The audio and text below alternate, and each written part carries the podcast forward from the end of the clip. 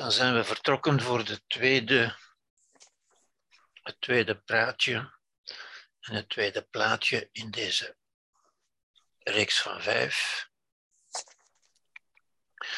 Goed, en ik ga vanavond iets verder ingaan op het brein natuurlijk, want dat is het centrum van onze, onze aandacht, het centrum waar het ook zal over gaan. Ik heb daar vorige week al een aantal dingen over gezegd. Ik ga daar nu een beetje verder op in. Met name op dat idee, die realiteit van dat dubbele brein dat wij hebben. En dan heb ik het niet zozeer zoals in dit plaatje gesuggereerd wordt over het linker en het rechterbrein. Dat is ook zo natuurlijk. Maar ik heb het over veel archaïscher structuren van het brein. En om te beginnen zou ik zeggen, ja, deze cijfers heb ik denk ik vorige week ook al gezegd. Ik ben niet meer zeker, maar ik ga, ik ga het even kort opnieuw zeggen. Dus de mens is verschenen om 20 seconden voor middernacht op een klok van 24 uur. Als we daar de 4,5 miljard jaar bestaan van de aarde op uitzetten. Dat we zeggen, de mens is nog een jonge soort. En dat is iets waar ik voortdurend de nadruk op leg ook. Hè. De mens is nog een jonge soort. En de mens is ook ter wereld gekomen zonder handleiding. Dus we moeten daar een beetje ja, een beetje vergeeflijk tegenover staan, zou ik zeggen, als mensen nog zo onbeholpen omgaan met die, die prachtige vermogens die ze hebben. Ik heb u gezegd, de mens is 500 miljoen jaar een ongewerveld dier geweest. En dat zit dus ook nog in ons allemaal. Die hele geschiedenis zit nog in ons natuurlijk, ja. 300 miljoen jaar een zoogdier, 65 miljoen jaar een primaat. Primaat wil zeggen een aapachtige, die stilaan naar de mens gaat natuurlijk. 2 miljoen jaar mens. En met mens bedoelen we dan de Homo erectus, waar de Neandertaler ook toe behoort. Dus dat wil zeggen de rechtopstaande, de rechtoplopende mens die 1,8 miljoen jaar geleden het vuur heeft leren beheersen. Het begin van de technologie, zou je kunnen zeggen, het begin van de, van de beheersing van de natuur, het gebruiken, het begrijpen natuurlijk, om te beginnen, en bij gevolg ook het gebruiken van de krachten van de natuur, de verschijnselen van de natuur. 300.000 jaar geleden is de taal ontstaan, de taal die een ongelooflijk belangrijk instrument is geweest in het begrijpen van de natuur en dus in de beheersing ook van de natuur, ook in het begrijpen van onszelf. En daar gaan we het hier meer bepaald over hebben natuurlijk. Het brein van de oudste mensachtigen, dat is dus de Homo erectus, was een kleine halve liter, 450 cc, 2 miljoen jaar geleden, dat is de Homo erectus, was dat 900 cc. 10.000 jaar geleden, 10.000 jaar geleden, dat wil zeggen de landbouwrevolutie, de, de, de, de settlers, mensen die zich gaan vestigen zijn, niet langer nomaden waren, die jagers, verzamelaars waren, maar mensen die zich vestigden op een, op een bepaald gebied, op een bepaald land, met al de problemen die dat met zich heeft gebracht natuurlijk. Uh, toen was dat dus 1400 cc, een kleine anderhalve liter. En dat is ook het huidige gemiddelde. Ja. En ik heb u ook gezegd, wij ontstaan uit één bevruchte cel, uit één enkele cel. Zoals ook het leven met één celligen is begonnen, zijn ook wij het leven begonnen als ééncellig. Bij de geboorte zijn er ongeveer 2 biljoen cellen, dat wil zeggen 2 miljoen keer miljoen. Een miljoen keer een miljoen, dat is een biljoen. En dat twee keer bij de geboorte ongeveer. Op volwassen leeftijd is dat 40 biljoen, 20 keer meer dus. 40 biljoen cellen. En dan vooral het brein. Het brein heeft bij de geboorte ongeveer 100 miljard neuronen. En dat is een beetje een merkwaardig cijfer, zou je kunnen zeggen, want 100 miljard is ook ongeveer um, het aantal sterren in ons sterrenstelsel, in onze galaxie. En is naar men raamt ook het aantal galaxieën in het universum. Ja, dus u ziet hoe complex ook dat is. Ja. 100 miljard neuronen, dat wil zeggen 100.000 miljoen neuronen, 10 tot de 11e. Waarvan slechts, dat heb ik vorige week ook gezegd, denk ik, slechts 10% geconnecteerd is. En het zijn vooral die connecties die belangrijk zijn. Mensen spreken altijd over neuronen, maar het zijn vooral die connecties. En die connecties, dat creëert netwerken van neuronen. Circuits, zoals men zegt. Ja. En het zijn die netwerken die in feite het, het, het werk doen, zou ik zeggen. Hè? Die de gedachten vormen, die verbindingen leggen met elkaar en zo verder. Ja. Dus het is vooral dat wat belangrijk is, in feite. Ja. Bij een volwassene bevat elk neuron, of, of is elk neuron verbonden met ongeveer 10.000 connecties, 10 tot de vierde. Dus je ziet het, het grote verschil tussen een, een kind, tussen een pasgeboren kind en een volwassene. En het zijn vooral die connecties. Dat wil zeggen 10 tot de vierde per neuron. Als er 100 miljard neuronen zijn die elk 10.000 10 tot de vierde connecties hebben, dan is dat samen 1 miljoen miljard verbindingen. 10 tot de vijftiende. Uh, eh, 10 met daar 15 nulletjes achter. Ja? Een miljard is duizend miljoen. Wel, een miljoen keer een miljard. Ja? Duizend keer duizend keer duizend keer miljoen. Om het u uh, dat is bijna niet voor te stellen. Maar dat wijst dus, dat geeft aan de enorme capaciteit, de enorme rekencapaciteit, de enorme denkcapaciteit van ons brein. Ja? En u weet waarschijnlijk dat wij bij het ouder worden wel wat neuronen verliezen. Er zijn er ook die we weinig gebruiken natuurlijk en die, die geleidelijk aan verdwijnen. Maar dat is niet zo erg. Het, het belangrijkste is die verbindingen, die circuits, die, die netwerken van neuronen uiteindelijk, waarvan 90% na de geboorte is gevormd. En ook dat is een belangrijk cijfer. Ja. 10% is pas geconnecteerd bij de geboorte.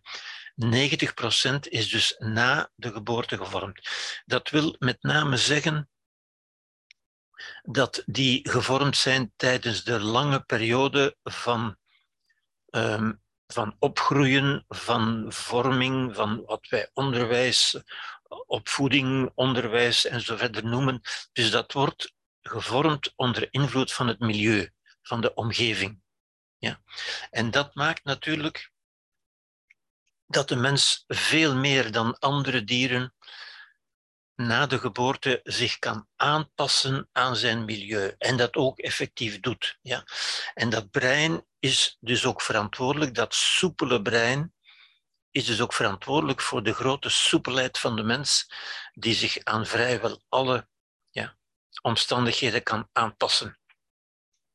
En die in de loop van zijn bestaan ook heel veel problemen en, en catastrofes en rampen eigenlijk heeft meegemaakt en overleefd heeft. Ja. U weet dat de meeste dieren zijn bij de geboorte vrijwel af, zijn bij de geboorte vrijwel in staat om zelfstandig te leven, om te lopen, om zich te voeden enzovoort. Ja. De mens niet. De mens moet maanden, jaren gedragen en gevoed en verwarmd en, en, en gekleed en verzorgd worden. Dieren moeten onmiddellijk met de vrijwel onmiddellijk met de kudde kunnen meelopen of ze worden opgegeten. Ja?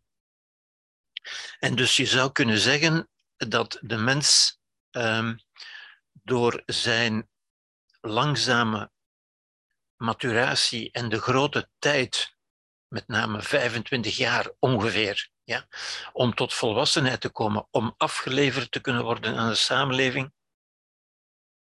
Je kunt zeggen dat is een zwak punt. Dat is, toch een, dat is toch een zwakte. De mens komt inderdaad zeer onaf en dus zeer afhankelijk en zeer zwak ter wereld. Maar die zwakte is precies ook een kans geworden, omdat dat de mens juist in staat stelt om nog zoveel te leren en zich zo soepel aan te passen aan zoveel mogelijke omstandigheden. De mens is ook de enige die overal ter wereld kan leven. Dieren niet. Als u een dier wegneemt uit zijn biologische niche, uit zijn natuurlijke omgeving, dan sterft hij omdat hij niet weet wat hij moet doen, hoe hij dat moet aanpakken. De mens gaat daar bijzonder soepel en creatief mee om en kan overal leven. Ja. Goed, dus de mens is een super overlever, zou je kunnen zeggen, die sinds, sinds de laatste honderdduizend jaar sterk wisselende klimaatomstandigheden bijvoorbeeld heeft overleefd, ook allerlei andere omstandigheden, ja, door zijn buitengewone veerkracht en aanpasbaarheid, ja, wat geen kwetsbaarheid is, maar aanpasbaarheid, ja. En door het doorgeven van kennis, ook iets wat geen enkel ander dier kan doen, het doorgeven van kennis, dankzij de buitengewone mogelijkheden van voorstelling, geheugen en een symbolische taal, waar ik vandaag ook zal op ingaan. Geen enkel ander dier heeft die mogelijkheden. Geen enkel ander dier heeft een symbolische taal. Ja. De mens is herhaaldelijk in evolutionaire bottlenecks terechtgekomen, in, in, in, in nauwe omstandigheden, zou je kunnen zeggen, waar hij met uitsterven bedreigd was. En toch heeft de mens dat allemaal overleefd. Ja. Op een bepaald moment, circa 70.000 jaar geleden, waren er nog slechts enkele honderden individuen waarvan wij allemaal afstammen. En hoe weet men dat? Wel, bijvoorbeeld omdat men dat ziet aan de geringe genetische verschillen die er tussen mensen zijn. Ja, wij zijn allemaal heel sterk, precies omdat we van die, van die enkele individuen afstammen, allemaal, zijn we genetisch zo gelijkend. Ja? Bij dieren is de genetische diversiteit veel groter dan bij de mens. Er zijn bij de mens natuurlijk een paar uh, kleine verschillen, zeer oppervlakkige verschillen, zoals de kleur van de ogen en van de haren en van de huid. Maar voor de rest zijn wij zeer gelijkend op die kleine oppervlakkige verschillen na. Goed. Ik denk dat we zover gekomen waren. Ja. En dit is een oude voorstelling van het brein. Ik geef die alleen vanwege haar historische um, belang, zou ik zeggen, hoe men zich vroeger het brein voorstelde, ja, met die verschillende plaatsen, die verschillende mogelijkheden uiteindelijk ook. Dit geloven we nu niet meer natuurlijk. Een realistischere voorstelling is dit. Ja.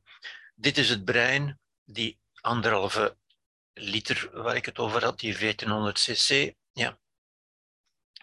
En u ziet, de, aan de buitenkant zijn dat die, zijn dat, bestaat dat uit windingen met groeven. Ja.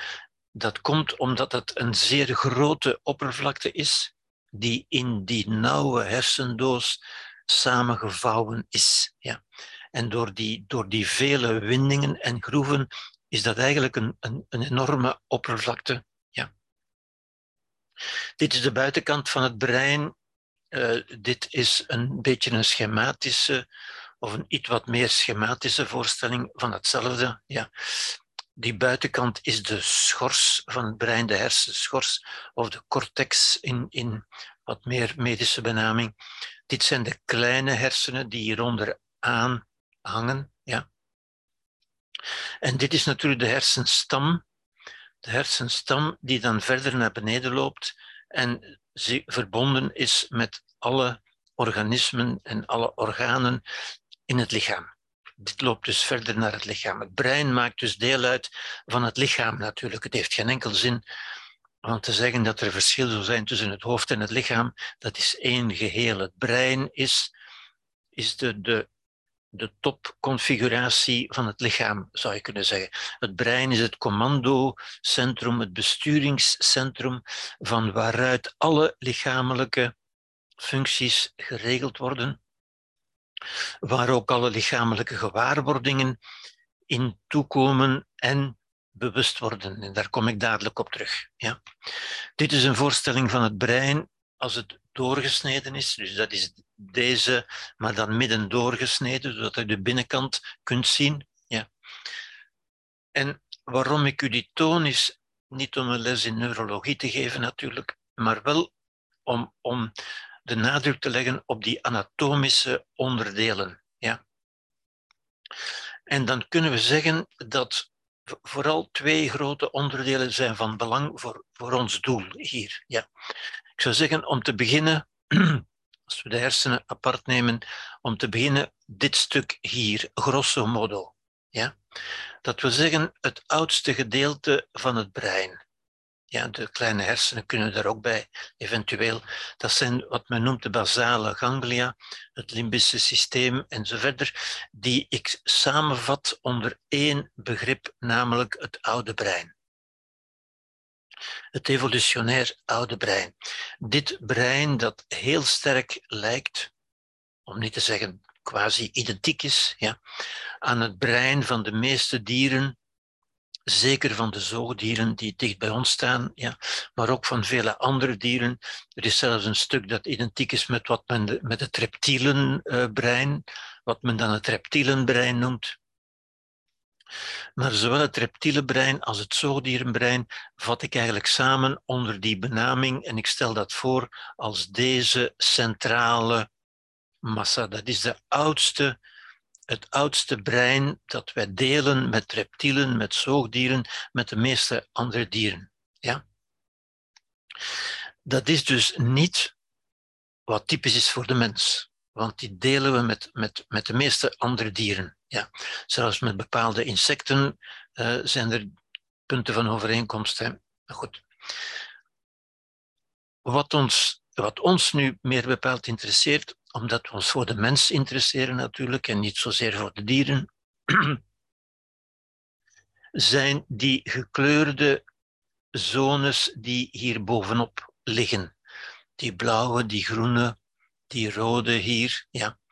Um, dit is wat we dus aan de buitenkant ook zien, die op, opgerolde, opgevouwen massa met die vele kronkels en die vele groeven en windingen, zoals men zegt, ja, die de typische mensenhersen zijn. Ja? De typische, de cortex, de cortex betekent dat. Cortex betekent schors. Dit is de schors. Ja? Dat ligt zo'n beetje als een, als een walnoot, kunt u zeggen. Hè? Als we terugkijken naar dit, dat ligt zo'n beetje als een walnoot. Ja? Als die buitenste schors bovenop dat binnenste stuk. Ja? Dus dat is grosso modo, zou ik zeggen, schematisch, ja, is het dat wat ons tot mens maakt. En wat belangrijk is, of wat interessant is om te weten, is dat we dat anatomisch nog altijd duidelijk kunnen zien. Die zones zijn duidelijk apart, alhoewel ze natuurlijk toch het geheel vormen dat we de hersenen noemen. Ja? Goed. Voor ons doel is het dus alleen maar belangrijk dat u weet dat er een, een oud deel van de hersenen is, dit centrale deel, ja, waar bovenop, en dat, is, dat toont ook hoe de evolutie werkt, ja, de mens is niet, de mens is niet van, van nul af aan als een totaal nieuw organisme opgebouwd, maar nee, de evolutie werkt zo dat ze neemt wat er is, namelijk die dierlijke componenten, en daarop is een nieuw stuk bijgebouwd, zou je kunnen zeggen, waardoor een nieuwe soort is ontstaan. Een nieuwe soort, maar toch ook zeer gelijkend met, die, met de evolutionair oudere soorten. Ja. Dus dit is wat ons tot mens maakt. Om nu die, de werking daarvan een beetje duidelijk te maken, zou ik zeggen, we, beginnen met dit, want we zijn hieruit ontstaan. Dus dit is het oude gedeelte, dat centrale gedeelte dat ik hier voorstel. Ja, laten we zeggen, dit is heel schematisch uiteraard voorgesteld, ons oude brein. Ja, net zoals bij de meeste andere dieren. Waartoe dient dat brein? Wel, we moeten altijd voor ogen houden dat de evolutie alleen gaat over overleving. Niet over ons geluk, maar goed, daar kom ik straks nog op terug. Maar wel voor de overleving. En daar gaat ook dit soort, zeker bij dieren, gaat het uitsluitend over de overleving. En wat betekent overleving? Overleving betekent zich kunnen aanpassen aan de wisselende omstandigheden, aan het wisselende milieu, zou je kunnen zeggen. Ja? Dat wil zeggen dat dat brein op een of andere manier moet kennis nemen ja, van de omgeving. De omgeving dient zich aan aan dat brein. Dit is, laten we zeggen, de omgeving. Ja? Dit is het brein. Het brein moet zich aanpassen aan de omgeving om te overleven. Dus het moet in zekere zin kennis nemen van die omgeving. Ja? Het kan daar niet blind voor blijven. Het moet, daar, het moet daar kennis, het moet dat gewaar worden. Het moet dat waarnemen, met andere woorden. Ja? En hoe gebeurt die waarneming? Wel, die gebeurt in eerste instantie, de omwereld in eerste instantie door de beelden uit de omwereld. Ja? Reageren of zich aanpassen uit de omwereld wil zeggen kennis nemen, waarnemen, zintuigelijk waarnemen, met zintuigen natuurlijk, hè, die de dieren net zo hebben als wij. Dezelfde zintuigen hebben wij ook. Ja. Met onze zintuigen nemen we waar hoe de omgeving is, hoe die verandert eventueel, en dus hoe we daarin kunnen overleven.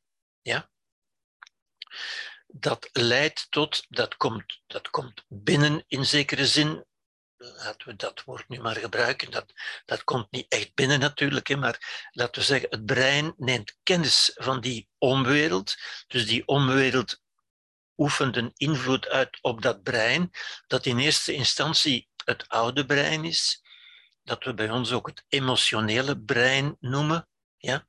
En dus dat emotionele brein reageert neemt kennis en reageert van de omwereld, namelijk van de beelden zoals die omgeving zich voordoet. Hè?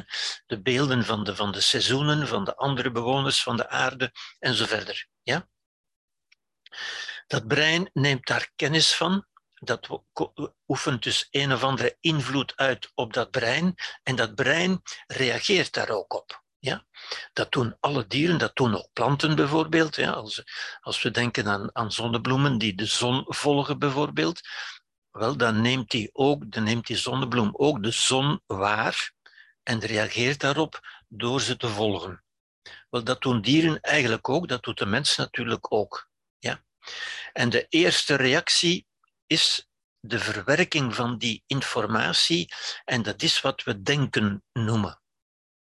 En ik leg daar de nadruk op. Ja, want we komen daar nog op terug natuurlijk. Hè. Dat is denken. En denken, wat we denken noemen, is informatieverwerking. En die informatie bestaat uit beelden, visuele, ook akoestische, ook olfactorische, ook geuren, geluiden, beelden, maar vooral toch beelden bij dieren ook, ook, ook vooral geuren natuurlijk. Hè. Al die elementen uit de buitenwereld, die ik samenvat in de term beelden, brengen ons tot denken. Wij verwerken die informatie, die wordt verwerkt in ons brein. En dat brein is, dat is dus denken. Een brein denkt. De activiteit van het brein is denken. Ja? En dat is in eerste instantie een snel denken. Ja.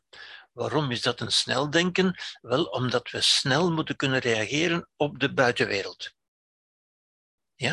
Ik heb u dat straks al gezegd. De buitenwereld, die, als we daar niet adequaat en snel op reageren, die maakt dat we er niet meer zijn. Ja?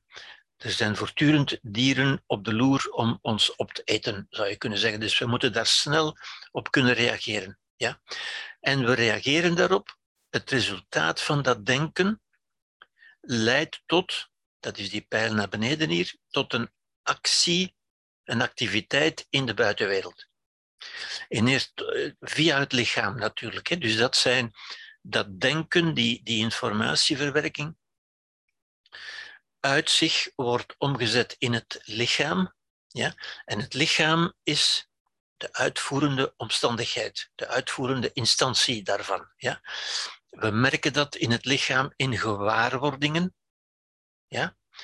Bijvoorbeeld de simpelste gewaarwording is angst, bijvoorbeeld. Ja?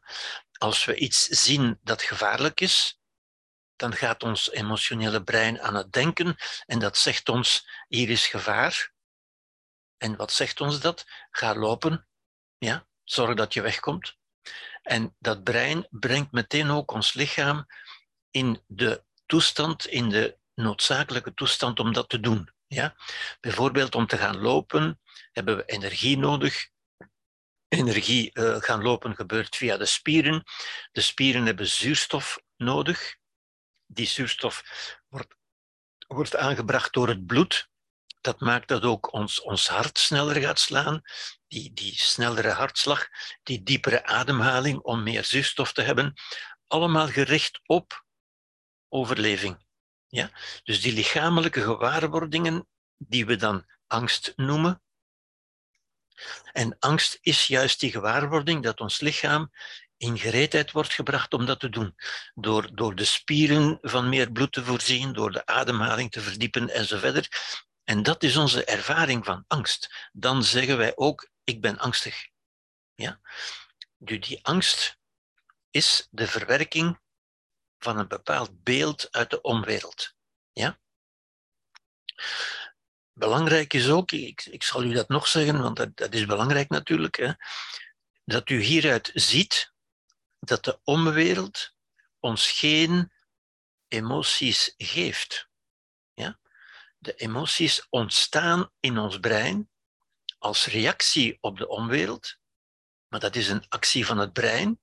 En die emoties, dat denken dus, emoties zijn denken, emoties zijn informatieverwerking. Dat denken zet ons aan tot het nodige doen, altijd met het oog, het enige doel van de, van de evolutie is van te overleven. Ja?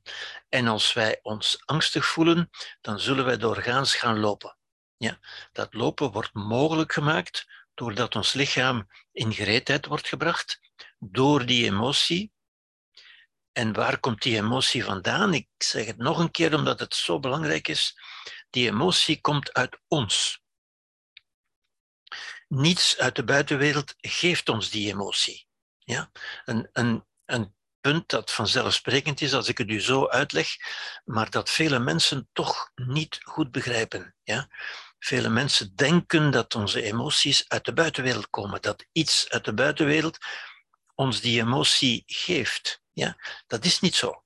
De emotie, de buitenwereld bevat geen emoties. Emoties zijn onze reacties op de buitenwereld. Nu, dat zal ik nog vaak genoeg herhalen, want dat is natuurlijk heel belangrijk om dat goed te begrijpen en dat zal later nog duidelijker worden waarom dat zo belangrijk is. Ja.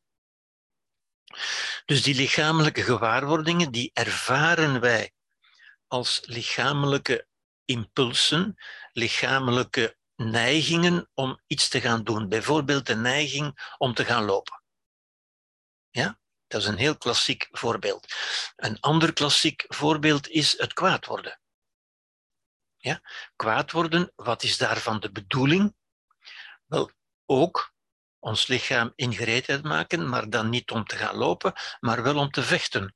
Te vechten om dat andere organismen op de loop te doen gaan. Ja? Altijd met als enige doel de overleving. En ook dat kwaad worden. niets of niemand maakt ons kwaad. Ook kwaad worden is een denken. Als wij oordelen dat wij sterker zijn dan dat andere dier, dan zullen wij kwaad worden. Als wij oordelen dat dat andere dier sterker is dan wij, dan zullen wij gaan lopen. Ja? En dat is oordelen en dus denken. Dat is afwegen en dat is denken. Ja? Alleen moet ik erbij zeggen natuurlijk dat denken, ik heb het natuurlijk met opzet het snelle denken genoemd, dat denken verloopt zodanig snel dat we dat niet als denken ervaren. Wij ervaren dat niet als denken. Dit verloopt volkomen um, automatisch. Volkomen onbewust, buiten het bewustzijn om. Ja. Vandaar dat wij vaak denken, en ook daar zal ik nog op terugkomen natuurlijk, hè, wat wij gewaarwordingen zijn juist deze gewaarwordingen in ons lichaam. Ja? Onze zogenaamde gevoelens, ja? die dan tot gedrag leiden. Het gedrag is het vechten of het gaan lopen of, of, of wat dan ook. Ja? Dat gedrag komt uit die gevoelens. We worden aangestuurd, aangezet om dat gedrag te gaan vertonen. Ja? En het is belangrijk, want, want dat is ook het eerste wat wij, waarvan wij bewust worden, dat wij gewaar worden. Wij worden gewaar dat wij aangezet worden tot iets doen. Ja? En natuurlijk, ik, ik kom daar later op terug, ja, bestaat dan de neiging, want ik heb u gezegd, van dit snelle denken zijn wij ons niet bewust. Dus denken wij, achteraf, later, ik kom daarop terug, gaan wij denken, ja, maar dat wat ik gewaar word, dat komt toch door wat ik hier heb waargenomen in de buitenwereld. Dat ding hier heeft mij toch die gewaarwording gegeven. Ja?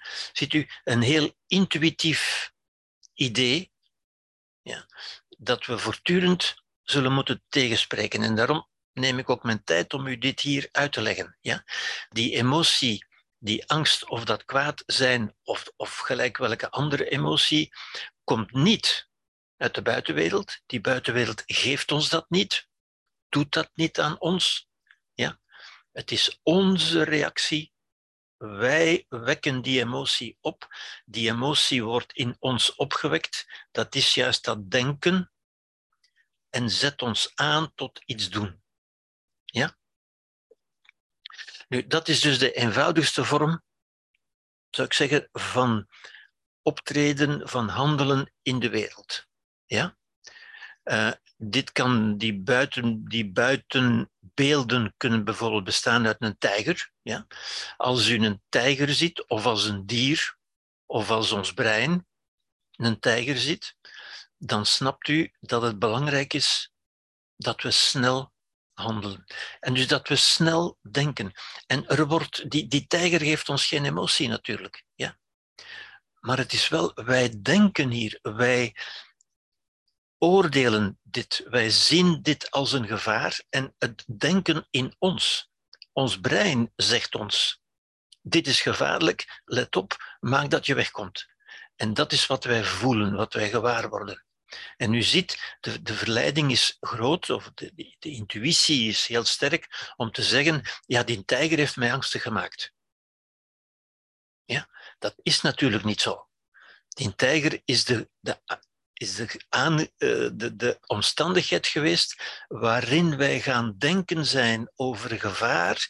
En dat denken, dat is onze emotie. Een emotie is een oordeel. Ja, we hebben dit beoordeeld als gevaarlijk en daaruit komt deze actie. Ja. Dat kan dus een tijger zijn dat kan ook gelijk wat anders zijn, wat we aangeven hier met de, met de algemene term trauma. Ja, een trauma is iets wat zich plots voordoet, waar we niet speciaal op gerekend hadden en waar we toch snel moeten op reageren. In de dierenwereld komen er ontzettend veel trauma's voor. Ja? Als uh, genoes een rivier oversteken en er duikt plots een krokodil op, dan is dat een traumatische ervaring natuurlijk. Ja. Alleen hebben die dan geen tijd om daar uh, therapie voor te volgen of, of posttraumatische stress over te, te ontwikkelen. Die moeten snel denken en snel handelen. Ja? En u ziet het belang van snel denken en snel handelen in de lange evolutie die de mens heeft meegemaakt. In die 500.000 jaar ongewerveld, 300.000 jaar zoogdier en zo verder is dat, is dat haarfijn bijgesteld. Dat is, een, dat is eigenlijk een, een algoritme, zou je kunnen zeggen. Onze emoties zijn eigenlijk algoritmes die zelfstandig werken, zelfstandig aan de slag gaan en in feite haarfijn door de evolutie afgestemd zijn om te overleven. Zodanig haarfijn, zodanig vernuftig afgesteld, dat de mens een ongelooflijk overlevingsmachine is geworden. Vele dieren natuurlijk ook. Ja? Want dat is, dat is eigenlijk het dier in ons. Dit geheel is het dier in ons. Ja? Uh, voor de mens, ik heb daar nog het virus bij gezet, dat is ook zoiets natuurlijk. Een virus is ook een bedreiging waarop wij dus ook zullen reageren om te overleven. Ja? Ook een virus doet niets aan ons, maakt ons niet angstig, maakt ons niet boos en zo verder, geeft ons geen stress. Dat is wat wij doen met die waarneming van het virus. Ja? Goed, dit is de. Het belangrijk, ik sta er even bij stil, omdat het toch belangrijk is dat u dat goed begrijpt, want dit zit ook in ons. Dit zijn onze emoties. Onze emoties zijn evolutionaire algoritmen die perfect werken om te overleven. Niet om ons gelukkig te maken, nog een keer, maar daar, kom ik later natuurlijk nog op terug. Ja? Dit is zoals het bij dieren gebeurt en dus ook bij ons. Dit zit ook bij ons. Ja? Goed. Als we nu kijken naar wat er bij de mens gebeurt, wat is dan het verschil met de mens? Wel, bij de mens is er dat bijgekomen, laten we zeggen. Ja? Beetje simplistisch, een beetje kinderlijk getekend, maar dit is, laten we zeggen, het nieuwe brein. Ja? Dat ervan gescheiden is, maar natuurlijk op vele manieren verbonden. Dat is duidelijk. Ja?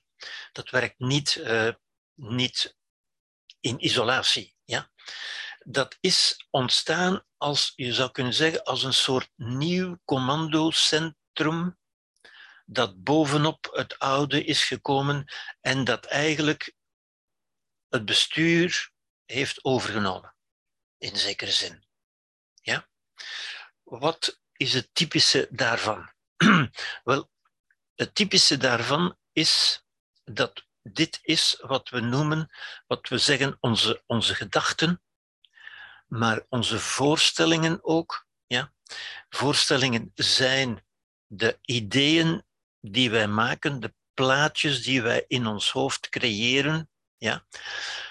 En we noemen dat ook het langzame denken. Het langzame denken in tegenstelling tot natuurlijk het snelle denken. Ja? En dat langzame denken, dat is wat wij over het algemeen denken noemen, omdat we dat ook ervaren als denken. Ja? En dat gaat inderdaad veel langzamer, aanzienlijk langzamer, ja? Omdat dit ook een, een grotere en een langzamere computer is, zou je kunnen zeggen. Ja? Dat neemt meer tijd in. Dat kunnen we ook bewust doen, dat doen we ook bewust. Dat is nadenken over de dingen. Dat is nadenken over hoe ga ik hier handelen, wat ga ik hier doen. Ja? In tegenstelling tot het snelle denken, dat dat meteen doet. En dat wij niet ervaren alsof we daar invloed op hebben. Hier kunnen we zeggen van, wacht eens even, ik ga eens even nadenken. Even de pauzeknop indrukken. Ja? Wacht eens even, laat ik eens even goed kijken wat er eigenlijk aan de hand is. Ja? Dat is het langzame denken in tegenstelling tot het snelle denken. Ja? Maar er is nog iets anders, namelijk die gedachten en die voorstellingen. Ja? Um, wat zijn voorstellingen? Wel, dat zijn de ideeën die wij ons vormen en die dus ook een invloed hebben op het emotionele brein. Ja? Dat zijn ook beelden. Hierin vormen wij ook beelden afkomstig uit onze waarneming. Hiermee kijken wij ook naar de omgeving. We zien ook die, die tijger en we zien ook dat trauma en dat virus en zo verder. En die beelden gaan eveneens naar het emotionele brein. Ja? En dan ziet u meteen een beetje, of dan kunt u een beetje oog krijgen voor de hachelijke toestand waarin dat emotionele brein zich gaat bevinden. Ja? Want dat brein krijgt nu beelden binnen vanuit twee kanten. Enerzijds uit de buitenwereld en anderzijds uit de binnenwereld. Ja? Dit zijn de beelden die wij hebben binnengenomen uit de buitenwereld, zou je kunnen zeggen. Ja? Wat betekent dat die tijger eigenlijk nu hier zit. Ja? We hebben die daar wel gezien, maar we nemen die mee in ons brein. En dat emotionele brein gaat reageren op dat beeld in onze voorstelling, op dat imaginaire beeld. Ja? En voor dat brein, voor dat emotionele brein, dat emotionele brein kan geen onderscheid maken tussen beelden uit de buitenwereld of beelden uit de binnenwereld. En dus het kan beelden binnenkrijgen die van elkaar verschillen, bijvoorbeeld. Ja?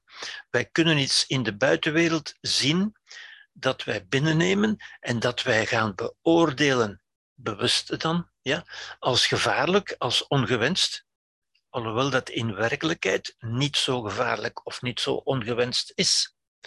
Maar toch zal ons brein dan reageren alsof dat zo is. Ja? Ons emotionele brein gaat zich meer richten op onze interne beelden dan op de beelden uit de buitenwereld. Ja? En wij kunnen ons daar sterk in vergissen. Ja, wij kunnen bijvoorbeeld een mens zien, maar denken dat wij een monster zien. Ja? Als wij zeggen die mens dat is een monster en wij stellen ons die voor als een monster, dan gaan we reageren alsof er een monster was. Ja?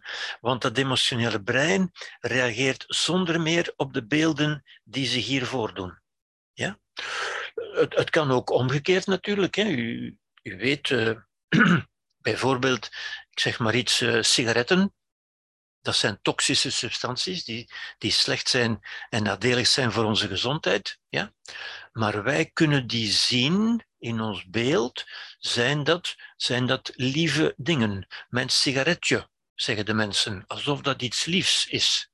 Nu, als dat iets liefs is, dan zullen die emoties zeggen van oké, dat is goed, dat is aangenaam, laat dat maar komen.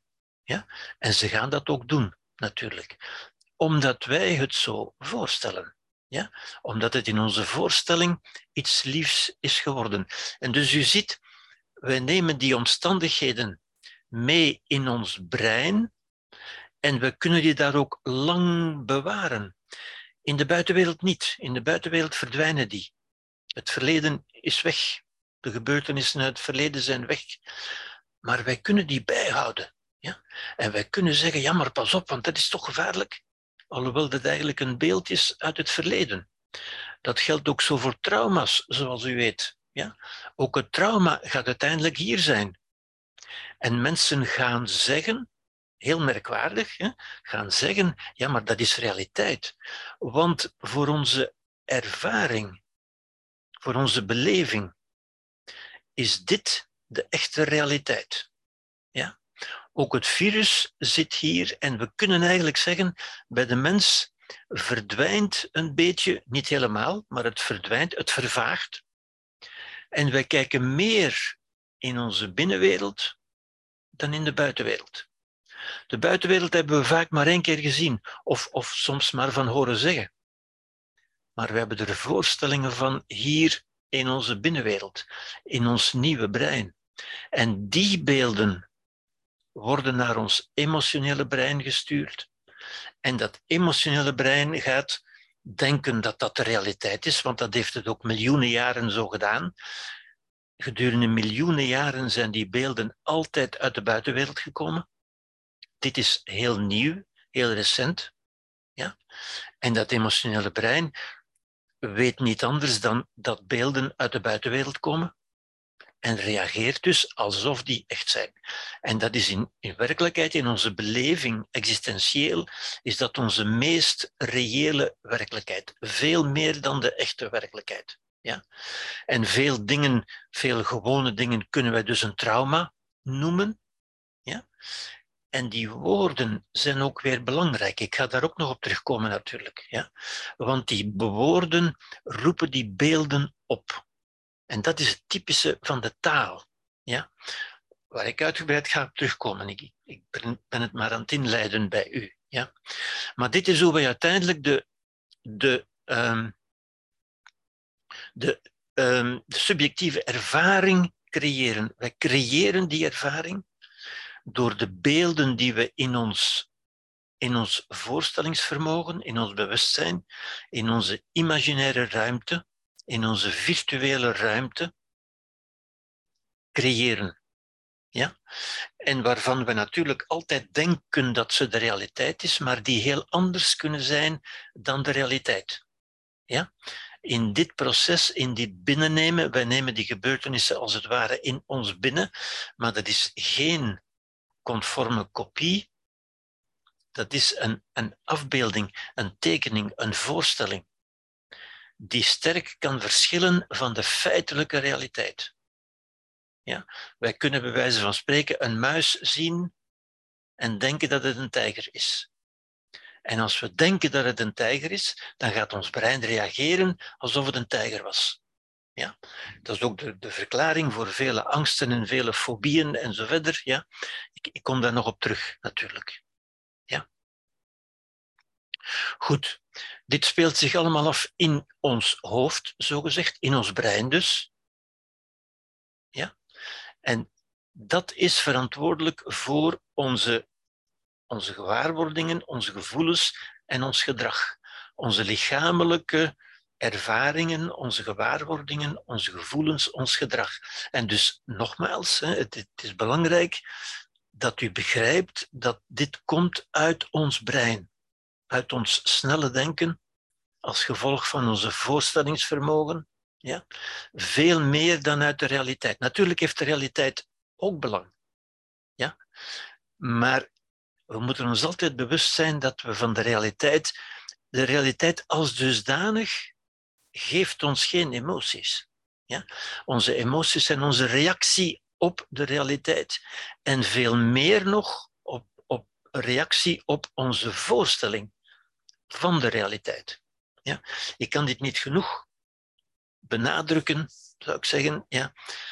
Niet omdat dit op zich zo moeilijk is, maar omdat het juist zo ingaat tegen die, die intuïtie, tegen dat idee, dat geloof, ja, dat wij denken, ja, en dat is dus ook ons denken, dat, wordt nu ons bewuste denken. Hè.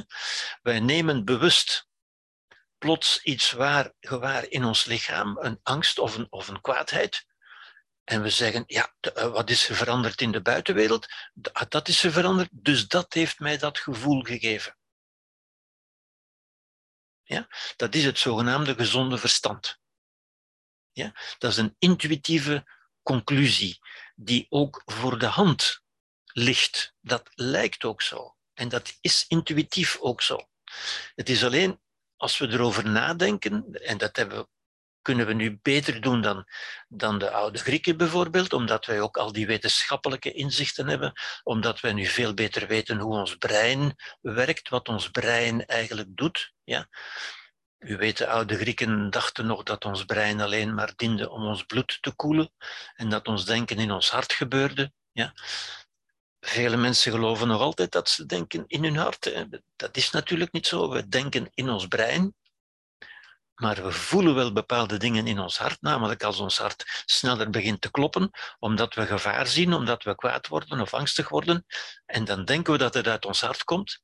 Het komt natuurlijk uit ons brein, en ons brein produceert die emoties onder invloed van de beelden die wij hebben gemaakt, die wij hebben gevormd in onze voorstellingsruimte, in ons langzame denken. Ja. En nogmaals, ons, ons langzame denken en vooral onze voorstelling is ook zo'n wonderlijk iets in feite. Ja? Want u begrijpt natuurlijk, onze emoties zijn altijd hier en nu, namelijk in ons brein. We voelen nooit emoties van vroeger of van de toekomst, eh, dat, dat kan niet. Ja? Emoties zijn altijd nu, gericht op de overleving nu. Ja? Maar wij kunnen wel beelden van vroeger in ons brein meenemen en vasthouden. En wij kunnen blijven doen alsof dat realiteit is. Mensen kunnen blijven angstig zijn of kwaad zijn of lijden onder hun verleden, dat alleen bestaat in hun brein uiteindelijk. Ja? En ons, ons brein is juist dat wonderlijke instrument wat van ons zulke ongelooflijke overlevingsmachines heeft gemaakt. Ja? Want juist ook, ook hier, hè, we zouden kunnen zeggen, het is toch een zwak punt dat die afbeeldingen zo onvolmaakt zijn, dat die afbeeldingen niet meer kloppen met de realiteit, maar dat we die zo kunnen vervormen en dat ook regelmatig doen. Ja. Maar ook dit zwakke punt, zou je kunnen zeggen, is een ongelooflijk sterk punt geworden, want wij kunnen hiermee ook gedachten vormen en voorstellingen en beelden maken die er nog nooit geweest zijn. En dat geeft ons het enorme vermogen van vooruit te kijken in de toekomst en onze toekomst te ontwerpen en ons voor te bereiden op de toekomst en onze toekomst te maken. Alsof die er echt was. Ja? Wij kunnen ook in ons brein bepaalde scenario's afspelen. We kunnen voorzien hoe dingen waarschijnlijk zullen verlopen en of we dat willen of niet. En ziet u, dat is dan ons, ons vooruitzien, ons overleggen, ons nadenken. Hoe we willen omgaan met de dingen die er zijn, met de dingen die er waren, met de dingen die er mogelijkerwijze in de toekomst zullen zijn. En dat speelt zich allemaal af in ons brein. Ja? U, u ziet natuurlijk hier ook duidelijk, of ik probeer het u althans duidelijk te maken, ons brein, die aan 1,4 kilo, zit in onze schedeldoos, maar onze inbeelding, die kan overal zijn. Die kan overal ter wereld zijn, zelfs op de maan, zelfs op de zon. Ja? Die kan niet alleen in de ruimte overal zijn, maar ook in de tijd. Wij kunnen doen alsof het verleden er nog is. Wij kunnen doen alsof de toekomst er al is. Ja? Wij kunnen ons al angstig maken voor de toekomst. Wij kunnen ons kwaad maken over het verleden en zo verder. En dat geeft ons een enorme mogelijkheid, een enorme vrijheid, maar die we dus ook heel goed kunnen gebruiken en heel regelmatig ook gebruiken om ons ongelukkig te maken, natuurlijk. Ja. Het is ook een enorme creatieve mogelijkheid. We kunnen ze ook gebruiken om, om kunst te maken, om cultuur te maken, om wetenschap te maken, om de wereld te begrijpen, om onszelf te begrijpen, zoals we nu aan het doen zijn om onszelf voor te stellen hoe wij in elkaar zitten. Ook dat kunnen we doen natuurlijk. Maar we kunnen ons ook heel makkelijk angstig maken of boos maken over dingen die er al lang niet meer zijn, of dingen die er nog nooit geweest zijn. Ja? En dus je ziet, die, die mogelijkheid geeft ons een geweldige, een geweldige vrijheid, een geweldige keuzemogelijkheid uiteindelijk. Ja? Maar de achterkant van vrijheid heet ook altijd verantwoordelijkheid. We zijn er dus zelf ook verantwoordelijk voor. Wij kunnen niet de anderen beschuldigen dat ze ons doen lijden of ons angstig maken of ons kwaad maken. Daarvoor moeten wij uiteindelijk zelf verantwoordelijkheid nemen. Ja? En u hoort als ik dat zeg natuurlijk, dat gaat bij veel mensen al tegen de haren in natuurlijk, want we zijn zo overtuigd dat anderen of omstandigheden ons kwaad gemaakt hebben of ons doen lijden enzovoort. Ja. Nu, daar kom ik natuurlijk uitgebreid op terug, want dat is, dat is juist waar deze reeks lezingen uh, verder zal over gaan, natuurlijk. Ja. Goed.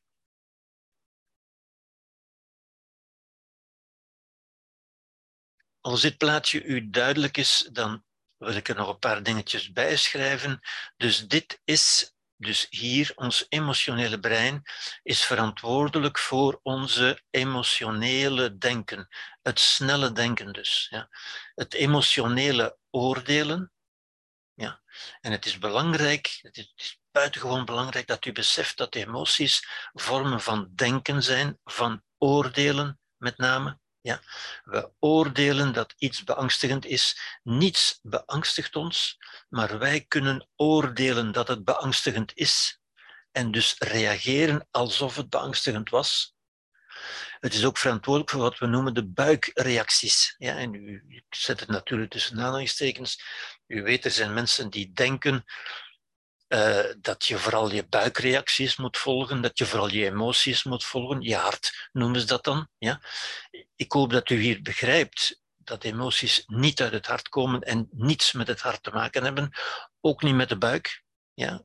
En, en ook daarom, van, vanwege die, die maatschappelijke clichés, dat cliché-denken, dat, dat, dat, hopeloos verouderde denken, zou ik zeggen, vind ik het zo, zo, zo belangrijk van u die duidelijk voor te stellen. Ja? Hoe dit in zijn werk gaat. Ja? Dus dit is, dit is wel de ervaring. Maar als we over die ervaring eventjes nadenken, dan snappen we, of kunnen we althans snappen, van dit komt uit ons. Dit zijn mijn oordelen. Ik heb dit beangstigend beoordeeld. Dat heeft mij niet angstig gemaakt. Ik heb gereageerd met angst. Ja?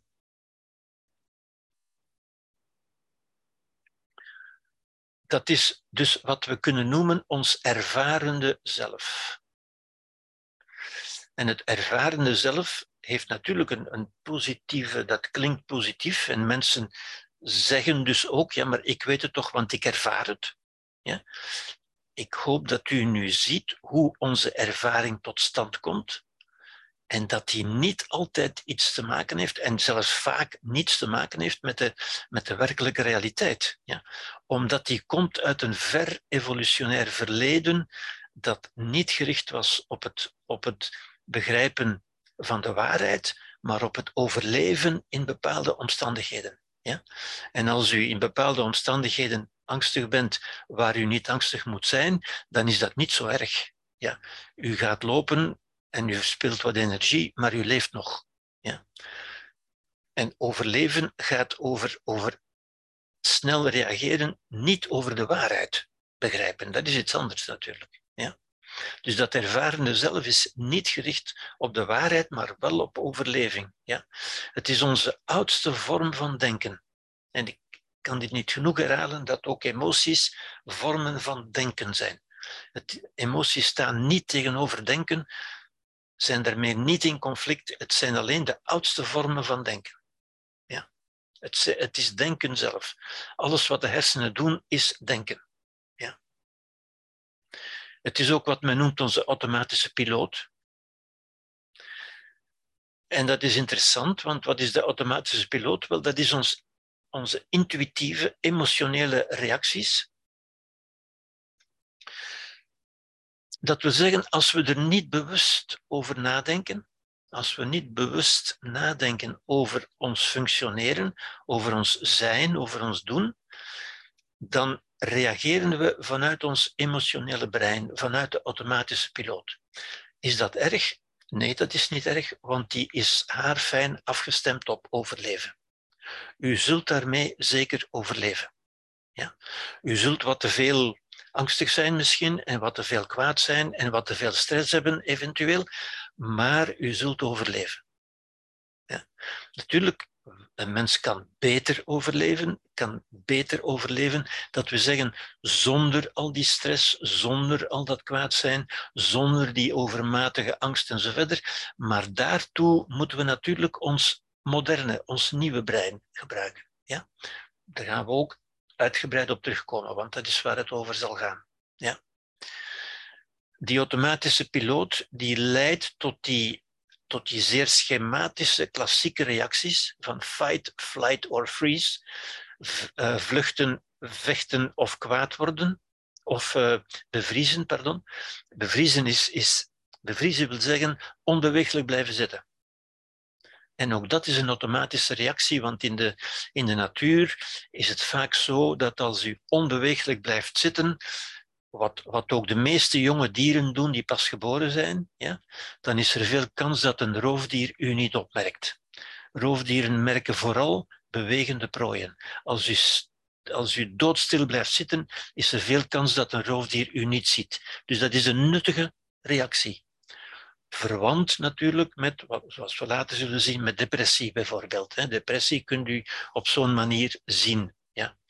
Vechten, fight is vechten, dat is kwaad zijn, vechten. Ja. En u hoort voortdurend mensen het woord vechten gebruiken. Ja. Wel, dat gaat terug op ons evolutionaire brein. In de natuur moesten wij vaak vechten. Of vluchten. En de woorden vechten of vluchten komen nog steeds voortdurend in ons, vocabulaire, in ons vocabularium voor. Mensen zijn nog steeds zeer snel geneigd tot vechten of tot vluchten of tot depressie, tot bevriezen, zou je kunnen zeggen. Ja? Dat zijn dus automatische reacties in ons die in ieder van ons aanwezig zijn, die we alleen kunnen modereren, zou je kunnen zeggen, kunnen temperen, niet onderdrukken. Onderdrukken is geen goed woord. Dat, dat kunnen we niet. Ja. We kunnen dit, dit brein niet uitschakelen. Het is een automatisch brein. We kunnen dat niet uitschakelen. We kunnen er wel over gaan overdenken. Bewust te denken dan. Van is dit wel een gepaste reactie? Moet ik dit wel doen, bijvoorbeeld? En van daaruit kunnen we wel dat emotionele brein sturen. Ja? Daar gaan we het natuurlijk uitgebreid over hebben. Um, dat leidt dus tot gedrag, tot gewoonten. En we kunnen dus zeggen dat gedrag en gewoonten eigenlijk gestolde gedachten zijn. Elk gedrag komt uit een gedachte. Ja?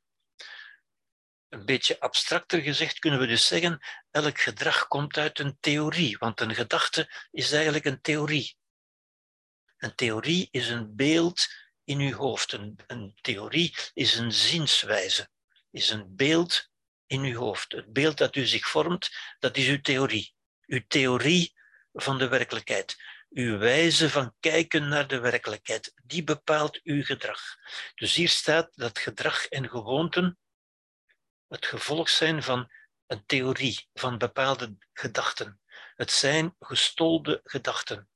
En dan ziet u ook een beetje het absurde van mensen die zeggen, ook dat is intuïtief natuurlijk, hè, uh, van mensen die zeggen, ja, maar ik, ik wil me niet zozeer met theorie bezighouden, ik wil praktische tips en, trips, uh, tips en tricks. Ja? Dan zeg ik altijd, er is niets praktischer dan een goede theorie. Er is niets praktischer dan een juiste manier van denken, een juiste manier van kijken. Ja? Iets wat de Boeddha natuurlijk ook gezegd heeft. Hè. Ik heb u al verwezen naar de Boeddha. De Boeddha heeft veel van deze inzichten op een zeer verrassende manier, op een zeer juiste manier verwoord. Ja?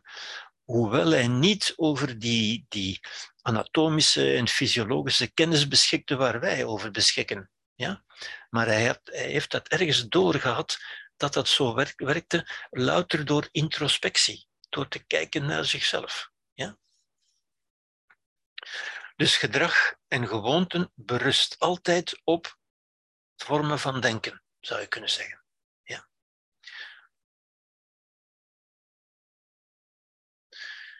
Dit hierboven, dit bovenste, deze bovenste verdieping zouden we kunnen zeggen, ja, kunnen we noemen onze interne werkelijkheid. En ik zet die hier een beetje naast de externe werkelijkheid. Dit is de externe werkelijkheid, maar waar we vaak nauwelijks nog naar kijken.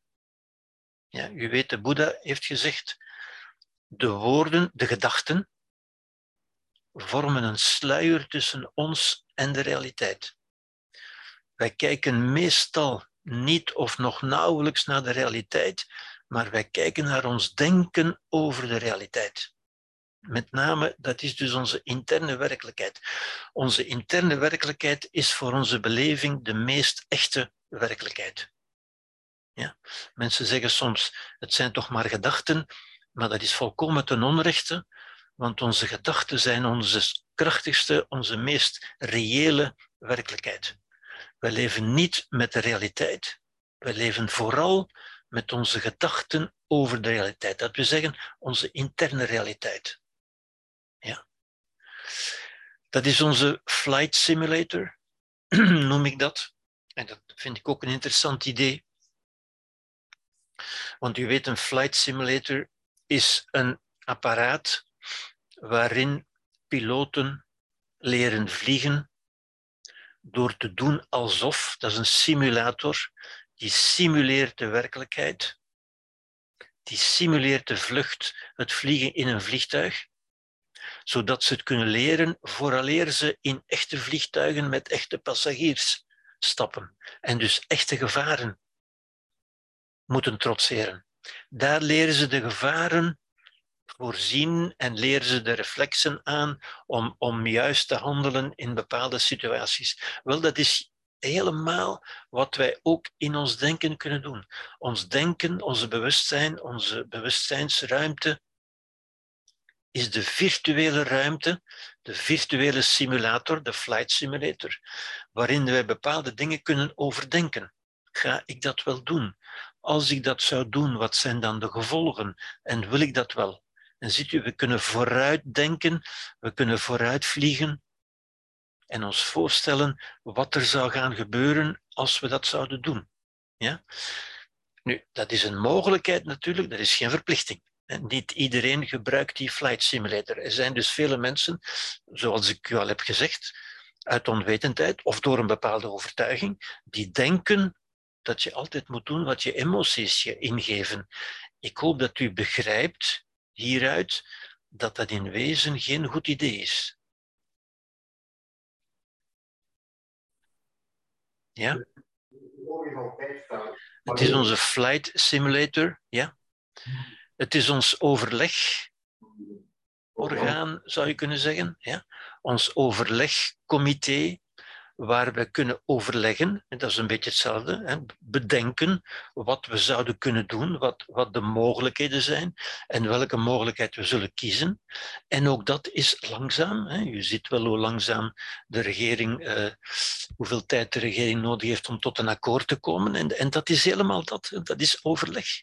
Er zijn verschillende ideeën in ons, vaak verschillende ideeën, ook de emoties. We bekijken die emoties ook, we voelen die emoties, we denken daar dingen bij en dan moeten we gaan beslissen, wat ga ik nu doen? Ja? Precies zoals de regering nu aan het doen is. Ja? Het zijn onze rationele oordelen. Wat is nu redelijk om te doen? Ik voel wel wat mijn emotionele brein wil dat ik doe, dat wil gaan lopen, maar is dat wel redelijk? Ja? Ik denk bijvoorbeeld aan gevallen van sociale angst, ja? wat men sociale angst noemt, ja? of, uh, of claustrofobie. Mensen die in, die in een supermarkt, in, in, in, in een plaats, in een ruimte met veel mensen, angstig worden. Ja? Dat, kan, dat kan zijn dat we dat voelen en dat brein zegt van maak dat je hier wegkomt, het is, niet, het is hier gevaarlijk. Maar dan kunnen we rationeel gaan denken, ja maar is dat hier wel gevaarlijk? Is dat wel redelijk dat ik hier ga weglopen in plaats van gewoon mijn boodschappen te doen? Ja? En ziet u, daarmee kunnen we, ik, ik, ik omschrijf emoties vaak als uitnodigingen. Het zijn uitnodigingen ja? die onze aandacht vestigen op iets wat door dat brein, door dat algoritme als gevaarlijk wordt gezien. Ja? Maar daar kunnen we dus over nadenken van, is dat wel zo? En we kunnen zeggen, die, emoties zijn daarmee niet verkeerd. Je kunt zeggen, uh, dank je wel om mijn aandacht daarop te vestigen. Dat is goed. Maar als ik erover nadenk, ik leef niet in de natuur, er zijn geen leeuwen en geen tijgers hier. Er is hier geen gevaar. Ik kan dit rustig doen. En ziet u, dat is niet emoties negeren of onderdrukken of zo verder. Integendeel, daarnaar luisteren, daar aandacht aan geven, maar dan overleggen met andere ideeën erbij nemen om tot een rationeel oordeel te komen. Is dit wel verstandig om te doen? Heeft dit wel zin om te doen? Ja? Het is dus ook wat we ervaren als ons ik, ons denkende ik. Ja? Ons narratieve zelf, noemt men dat ook, waarin ik bepaalde verhalen kan vormen. Narratieven zijn gedachten uiteindelijk, ja? zijn verhalen die we vormen, zijn, zijn zinnen, zijn gedachten, bijvoorbeeld waarin we zeggen van dit ga ik maar niet doen, want dat, is, eh, dat gaat tot een ongewenst resultaat leiden. Ja? Dat is een narratief, zou je kunnen zeggen. Ja? Dat is ons denkende ik, dat is wat we ons meest echte ik noemen in feite. Dit was ons ervarende zelf, ons ervarende ik, als u wil. Ja? Die woorden zelf en ik, uh, ik kom daar ook nog wel op terug, want die zijn ook, dat zijn ook moeilijke woorden die, die niet goed te omschrijven zijn, maar ik kom daar later op terug. Maar in ieder geval, we, er, we ervaren dit als, als het ik dat denkt. Als we zeggen ik denk erover na, dan is dat de ik die we bedoelen. Ja? Wat we zeggen ook met voor mij. Ja? Mensen zeggen, ja, maar voor mij. Dat kan ook komen uit een, uit een emotie natuurlijk. Hè. Mensen kunnen dan zeggen, ja, maar voor mij voelt dat toch beangstigend aan. Dat is dan ons ervarende ik. Maar dan kunnen we met ons narratieve ik gaan denken, ja, maar is dat wel redelijk? En dat wil dus niet zeggen dat we die emotie onderdrukken of zoiets, of negeren. Nee, je luistert daar wel degelijk naar. Ja?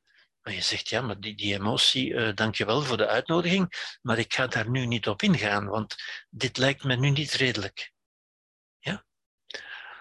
Of, zoals ik het ook noem, ons parlement. Ja? En ik vind dat een heel goed woord, het parlement uiteindelijk. Ja? Want dat is echt wat ook in het echte parlement gebeurt. In het parlement komen juist alle neigingen en tendensen en stromingen uit de samenleving aan het woord. Er wordt naar geluisterd, ideaal natuurlijk, en er wordt dan gezamenlijk een beslissing genomen. Wat gaan we nu doen? We hebben nu al die neigingen en tendensen, al die gedachten en al die emoties aan het woord gelaten. Wat gaan we nu doen? En dat is een beslissing die u neemt. Ja, zoals in het parlement een politieke beslissing wordt genomen. En dat is niet altijd makkelijk natuurlijk, hè, want er, zijn, er kunnen verschillende gedachten zijn en ook emoties en zelfs verschillende emoties. Ja. Ik vind dat wel fijn, maar ik ben toch bang om, maar ik denk toch dat en zo verder. En dat kan, dat kan heel lastig zijn. Zoals onze regering het nu ook lastig heeft om tot een akkoord te komen. Want er zijn zoveel verschillende neigingen. En dat kan zich ook in ons, in ons hoofd, in ons bewustzijn, moet ik zeggen, voordoen. Ja? En dus u ziet ook daar, hè, nogmaals, het brein zit wel in onze schedel, maar ons bewustzijn, ons denken, onze voorstellingen kunnen overal zijn. Ja? Goed, Um, dus dat is, zou ik zeggen, de unieke menselijke mogelijkheid. Dat alles wat ik nu heb genoemd, dat is echt het uniek menselijke, zou ik zeggen. Ja? De mogelijkheid, het bewustzijn, dat is het bewustzijn kunnen we definiëren. Ja, dat is ook een beetje een moeilijk woord natuurlijk, maar je kunt zeggen dat is de ruimte, de virtuele ruimte, waarin de werkelijkheid verschijnt, waarin wij de werkelijkheid zien. Ja? En dat is dus niet in ons hoofd, dat is niet in onze gedachten, dat is in ons bewustzijn. In ons bewustzijn verschijnt zowel de werkelijkheid als onze gedachten over de werkelijkheid. Het is ook de mogelijkheid om te denken over ons denken en over ons gedrag, zoals ik net heb gezegd. Ja? We kunnen ook gaan denken hier van, ik, ik, ik denk wel dat dat gevaarlijk is, maar is dat wel gevaarlijk? Zie je, dan zijn we aan het denken over ons denken. Dan zijn we ook aan het denken over ons emotionele denken en over ons gedrag. Is dat wel redelijk? Ja? Is dat wel waardig voor een, voor een volwassen mens, zou ik zeggen? Ja? Het is de basis van onze vrijheid. Ja? Onze vrijheid is in wezen ons parlement. Zoals ook in een democratie is de vrijheid het, het parlement uiteindelijk. Ja? De vrijheid om over dingen na te denken, de vrijheid van meningsuiting, maar de vrijheid ook van denken en de vrijheid om op basis daarvan tot een beslissing te komen. Maar vrijheid, dat horen we graag natuurlijk, maar wat we minder graag horen, is verantwoordelijkheid. We zijn ook verantwoordelijk voor ons denken, voor, voor de emoties die we in ons doen ontstaan en ook voor het gedrag dat we kiezen. We zijn verantwoordelijk voor de gevolgen daarvan. Ja? We kunnen niet zeggen, als u dit begrepen hebt, dan begrijpt u ook altijd, er is altijd keuze. Een volwassene kan altijd kiezen. Een kind niet. Ja? Een kind heeft niet, niet, nog niet helemaal deze mogelijkheid. Een kind leeft nog grotendeels emotioneel. Ja? Volwassen worden is juist niet dat dit weggaat, dit gaat niet weg, maar wel het ontwikkelen van deze ruimte. Dat is ook wat die fameuze 25 jaar eigenlijk in beslag neemt. Ja. En we kunnen dus zeggen, elk gedrag, alles wat wij doen, bevestigt een bestaand patroon, een gewoonte, zo ontstaan ook onze gewoonten. Wat wij, wat wij herhaaldelijk doen, wordt uiteindelijk een gewoonte. Ja?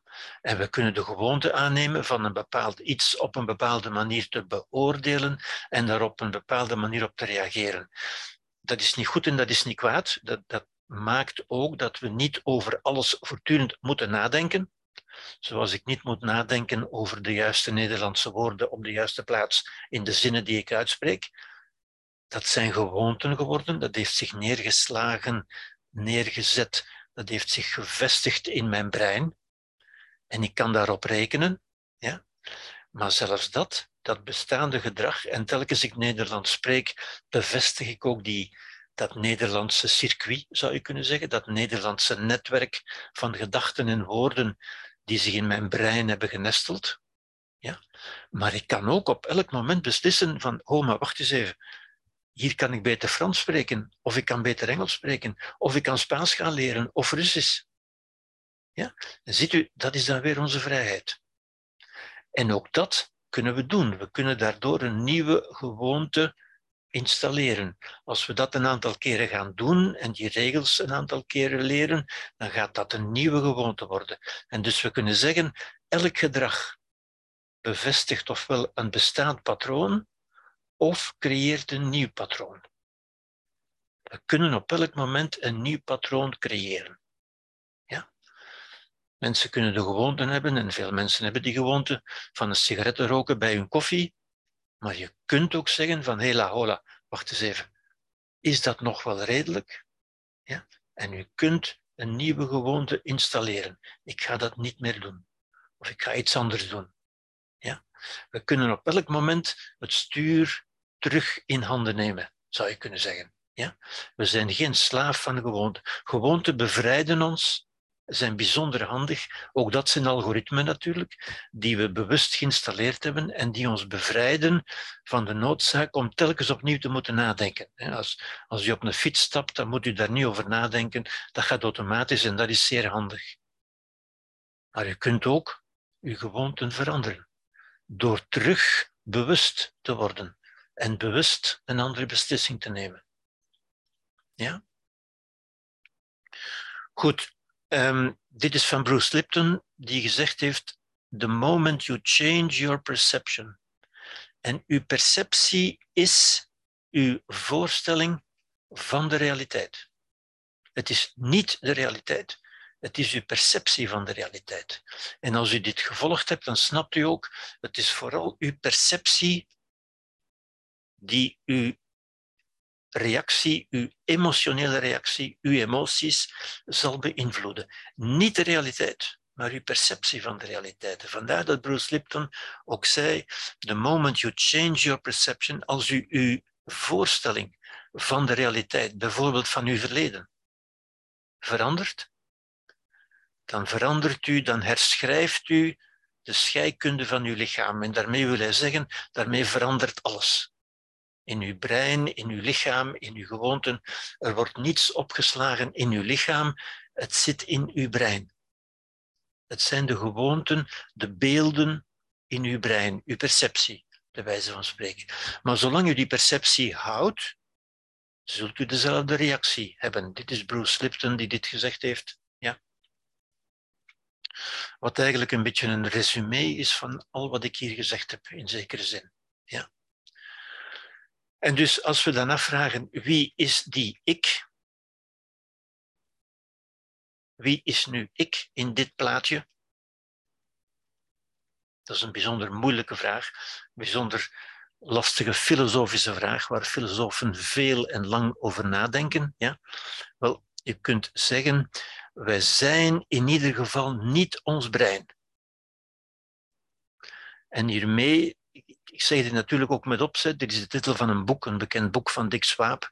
Een uh, zeer populair, zeer veel verkocht boek.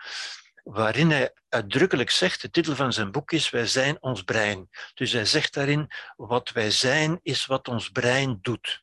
Wij worden geleefd door ons brein, met andere woorden. En ook dat is een, een um, intuïtieve gedachte, zou ik zeggen. Hè? Zoals je zou kunnen zeggen, ik word vele mensen zeggen ook, ik word geleefd door mijn verleden. Ik ben het product van mijn verleden. Ja? Nu, een, een, stapje verder is van te zien, ik ben niet het product van mijn verleden natuurlijk, ik ben het product van mijn perceptie van het verleden. En dat is iets wat het brein doet natuurlijk. Ja? Maar nog een stapje verder is te zien van, ik ben niet het product van mijn brein. Ja?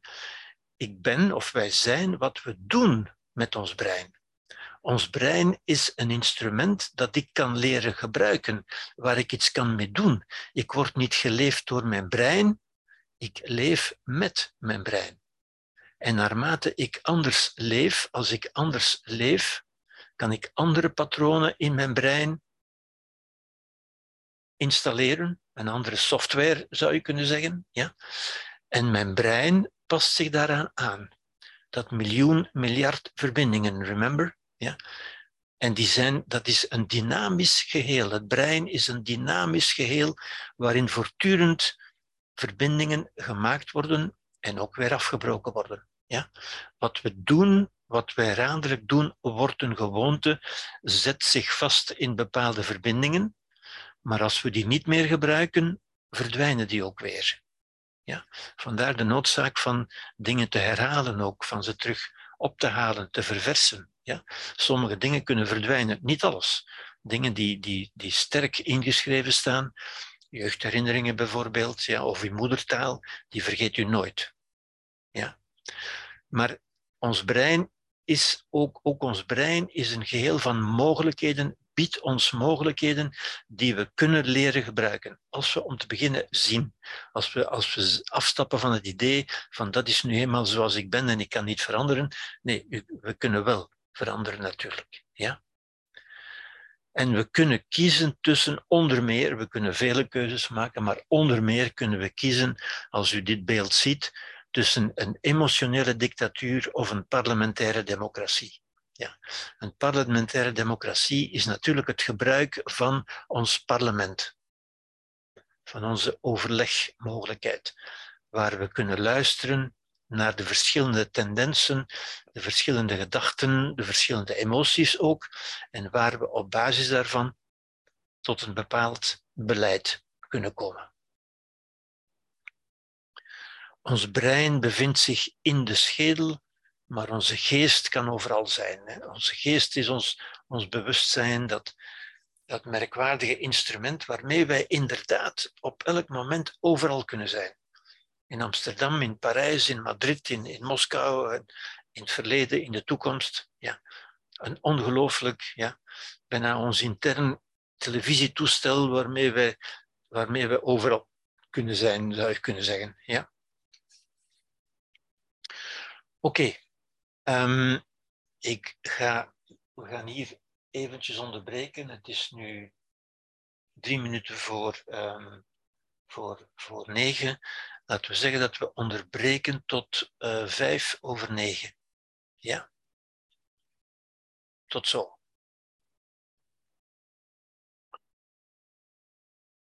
Oké. Dit is natuurlijk een, een essentieel plaatje wat ik hier gegeven heb. Um, laten we zeggen, dit is mijn essentiële visie op het functioneren van de mens. Uh, u begrijpt natuurlijk niet iedereen is het daarmee eens, maar uh, het sluit toch zeer goed aan bij wat bijvoorbeeld de Boeddha ook zei, ja, wat ook de Grieks-Romeinse humanistische filosofen zeiden en, en, en zo verder. Ja, het is toch een zeer modern en het bestaat uit die drie verdiepingen, die drie stappen eigenlijk, ja, het lichaam wordt gestuurd, wordt aangestuurd door emoties. En emoties, het snelle denken, wordt aangestuurd door onze voorstellingswereld. Ja? En dit geeft ons een grote greep, een grote mogelijkheid om onze ervaring te sturen en het leven te sturen in plaats van het te ondergaan, zou ik zeggen. Nu, ik heb u net gesproken over de emotionele dictatuur. Ja. Ook dat is iets wat we bij vele mensen zien. Ja. En veel mensen die, die, ja, die, die daar machteloos tegenover staan, niet omdat ze dom of slecht of lui zijn, maar omdat ze die inzichten niet hebben, omdat ze het niet begrepen hebben, omdat ze het niet geleerd hebben, natuurlijk. Ja? En een plaatje van de, de emoties, zou ik zeggen, is dit natuurlijk. Hè? Dit is het plaatje, u herkent dit natuurlijk, de bestorming van het kapitool. Het kapitool is het symbool van het parlement, van het redelijke denken. Het volk is natuurlijk het symbool van het emotionele denken. Ja? Het volk wil van alles en het, en het parlement moet daar op een redelijke manier mee omgaan. Ja? Dit is een perfect idee van het volk, de emoties die in opstand kunnen komen, ook in ons. Ja? En die ons op bepaalde momenten kunnen, kunnen overspoelen. Ja? Oké, ik ga dit voor de korte tijd die ons nog rest, want de tijd is een beetje snel voorbij gegaan. Ik ga dit nog even kort op een andere manier voorstellen. Eigenlijk dezelfde ideeën die ik op een andere manier ga voorstellen om het nog duidelijker te maken. Een andere kaart, bij wijze van spreken. Ik heb u gezegd, filosofie zijn uiteindelijk kaarten van de werkelijkheid. Ik geef u een andere kaart op dezelfde werkelijkheid. Er gaan dus grote gelijkenissen zijn. Ja. En ik zou zeggen, ik ga uit van de externe context, de externe feitelijkheid. Dingen die gebeuren. Dat is de externe context, die buiten ons gebeuren. Ja? Dat is wat ik zou noemen de objectieve orde. Het is objectief omdat iedereen dat kan waarnemen wat er gebeurt. Ja? Als u ontslagen wordt of als iemand sterft, eh, dat kan iedereen waarnemen. Daar kunnen we in principe niet over discussiëren. Ja? Daarom is het ook objectief. Ja? Dat is wat men vaak de oorzaak noemt. Ik, heb u daarnet gezegd ook, wij schrijven onze ervaringen vaak toe aan de buitenwereld.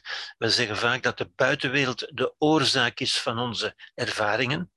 Dat is natuurlijk niet zo, zoals ik u daarnet ook heb gezegd. Daarom staat het ook tussen aanhalingstekens oorzaak, want dat is niet de echte oorzaak. Dat is wel de feitelijkheid en dat is wel de aanleiding. Dat is wel de aanleiding waardoor het gebeurde, maar dat is niet de oorzaak. Ja? Nu, met die feitelijkheid doen wij iets. Ja?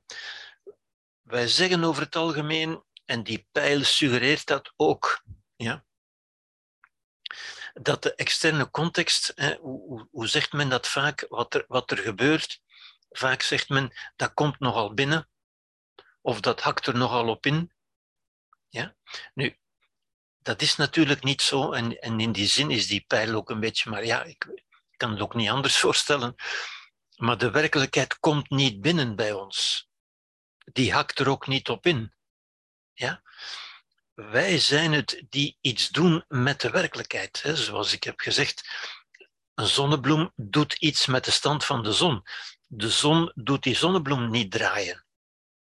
Het is die zonnebloem die zich aanpast aan de stand van de zon. Die doet iets. Zo zijn het ook wij die iets doen met de werkelijkheid. De werkelijkheid komt niet binnen. Maar wij nemen ze waar en wij reageren erop. En wij creëren daarmee, wat ik daarnet ook heb genoemd, onze interne context. Wij maken daarvan een interne context, die in feite een, een soort afbeelding, maar helemaal geen afbeelding natuurlijk, maar wel een oordeel, een, een betekenis, een vervorming. En dat is de imaginaire orde, kunnen we dat noemen. Dit is de objectieve orde, dit is de imaginaire orde zoals die bestaat in ons bewustzijn. We kunnen dat ook noemen de subjectieve beleving. Die is subjectief omdat die voor iedereen anders kan zijn. Wat de ene een belediging noemt, kan de andere een grapje noemen. Ja? Nog belediging, nog grapje zijn objectieve feitelijkheden. U kunt nooit aantonen, u kunt nooit wetenschappelijk aantonen dat iets, dat een bepaalde uitspraak een belediging is. Het is wel zo dat diverse mensen zich beledigd kunnen voelen. En zich beledigd kunnen noemen. En die ervaring, die subjectieve beleving, dan gaan toeschrijven aan de buitenwereld. Maar dat is in feite hun oordeel, hun perceptie erover. Ja? Dat zijn symbolische betekenissen. Ja? En dat wordt vaak gezegd met de woorden voor mij. Voor mij is dat, voor mij is dat een belediging. Ik vind dat een belediging. Ik vind dat een klap in mijn gezicht. Er is natuurlijk helemaal geen klap in het gezicht. Iemand heeft gewoon iets gezegd, dat is de feitelijkheid. Maar iemand anders kan dat percipiëren, kan daar de perceptie, kan daar de afbeelding van maken van een klap in het gezicht. En heeft dus die ervaring. Maar die ervaring, nogmaals, ja, ontstaat dus, wordt door die persoon gemaakt, niet door de omgeving. Bijzonder belangrijk om goed te begrijpen. Ja. Dat wordt dus dat ook gezegd in woorden als oordelen als vreselijk, verlies, mislukking, tegenslag, slag in het gezicht, belediging, gemis, trauma en zo verder. Allemaal dingen waarover men eindeloos kan discussiëren. Precies omdat het geen objectieve waarneming is. Het behoort niet tot de objectieve orde. Het zijn oordelen. Wat de ene een verlies vindt, kan de andere een gelukkig toeval noemen. Wat de ene een mislukking noemt, kan de andere een kans leren, uh, vinden om iets te leren. Ja? En al die dingen, belediging, gemis, trauma enzovoort, dat zijn de betekenissen, dat is de interne context die ik creëer aan de hand van die externe gebeurtenis. Die externe gebeurtenissen zijn neutraal en mensen vinden dat heel lastig om te aanvaarden. Ja? Maar die komen niet binnen, die doen niets aan ons. Wij doen er iets mee. Wat doen wij ermee? Wel, wij geven dat in zekere zin een verpakking. Wij, verpakken dat, bij wijze van spreken. Dat, dat is nu maar een beeld natuurlijk. Ja. Wij doen er iets mee in ons hoofd. Dat is wat wij in onszelf doen. En wat creëren we daardoor? Wel, allerlei reacties, zoals bijvoorbeeld angst. Ik zeg angst omdat angst een van de meest voorkomende reacties is, mogelijkheden. Ja? Nogmaals, niets beangstigt ons, maar wij kunnen op bijna alles met angst reageren. Angst is wat wij maken. Ja?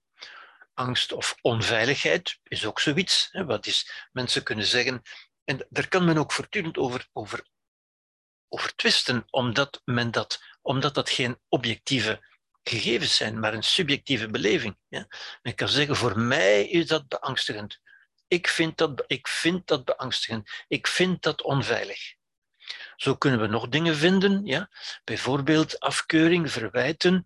En we kunnen reageren met woede, met afwijzing, met verzet, met frustratie, met stress. Nogmaals, dat wordt ons door niets gegeven. Ja? Dat zijn onze reacties. Niets maakt ons woedend. Wij kunnen onszelf met woede reageren. Ja? En dat kan nog verder gaan. Verdriet, klagen, slachtoffer zijn, zinloosheid, machteloosheid. Allemaal oordelen. Allemaal reacties die wij in onszelf creëren. Ja? die ons niet door de omstandigheden gegeven worden, maar waarvan wij heel makkelijk, heel intuïtief, heel gevoelig en zo verder zullen zeggen, ja, maar dat heeft mij toch aangegrepen, heeft mij gefrustreerd, heeft mij stress gegeven en zo verder. Gaande tot depressie, wanhoop, uitzichtloosheid. Ja. En uiteindelijk als, als laatste stap de suïcide. Ja? En dus wat ik hiermee suggereer, is dat ook suïcide uiteindelijk een keuze is. Niets drijft ons tot suïcide. Ja? Niets heeft Mandela tot wanhoop gedreven. Hij heeft gekozen van anders te reageren. Ja?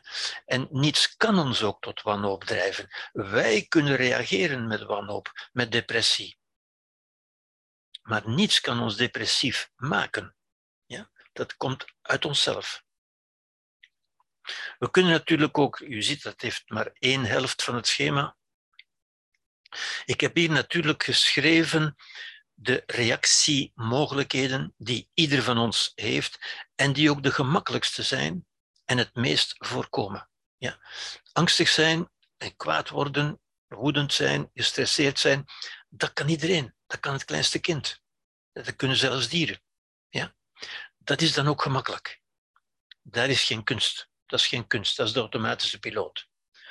Waar wel een kunst voor vereist is, wat we wel moeten leren doen en waar we dus ons parlement moeten voor gebruiken, met andere woorden. Dit zijn de gemakkelijke emoties. Wat minder gemakkelijk is, is van te reageren met bijvoorbeeld aanvaarding, mededogen, verwondering, verrassing. Zo kunnen we ook reageren, natuurlijk. Hè? Maar vele mensen gaan zeggen dat is onaanvaardbaar. Als we eventjes doordenken, is dat natuurlijk niet onaanvaardbaar, want iets wat gebeurd is, is in wezen aanvaard. U kunt wel blijven beweren dat u het niet kunt aanvaarden, maar dan creëert u onaanvaardheid. Ja? U kunt daarentegen ook aanvaarding creëren. Nu, daar kom ik later op terug natuurlijk. Hè. Dit zijn, zou ik zeggen, de minder voor de hand liggende, de minder automatische, de reacties die meer levenskunst vereisen, ja, die meer nadenken, meer bewustzijn, meer redelijkheid vereisen. Ja. Dat kan ook gaan naar dankbaarheid, bewondering, enthousiasme. Ook dat zijn reactiemogelijkheden die wij kunnen in ons oproepen, die wij kunnen in ons tot stand brengen, maar die minder gemakkelijk tot stand komen. Ja, dat zult u zonder moeite erkennen, denk ik. En dat kan gaan naar passie, verliefdheid, zinvolheid, levenslust en geluk uiteindelijk. Ja. Dus hier staat, en daarmee wil ik dan afsluiten, dat zowel geluk waar het hier over gaat natuurlijk, de strategie van het geluk, zowel geluk aan de ene kant als depressie aan de andere kant.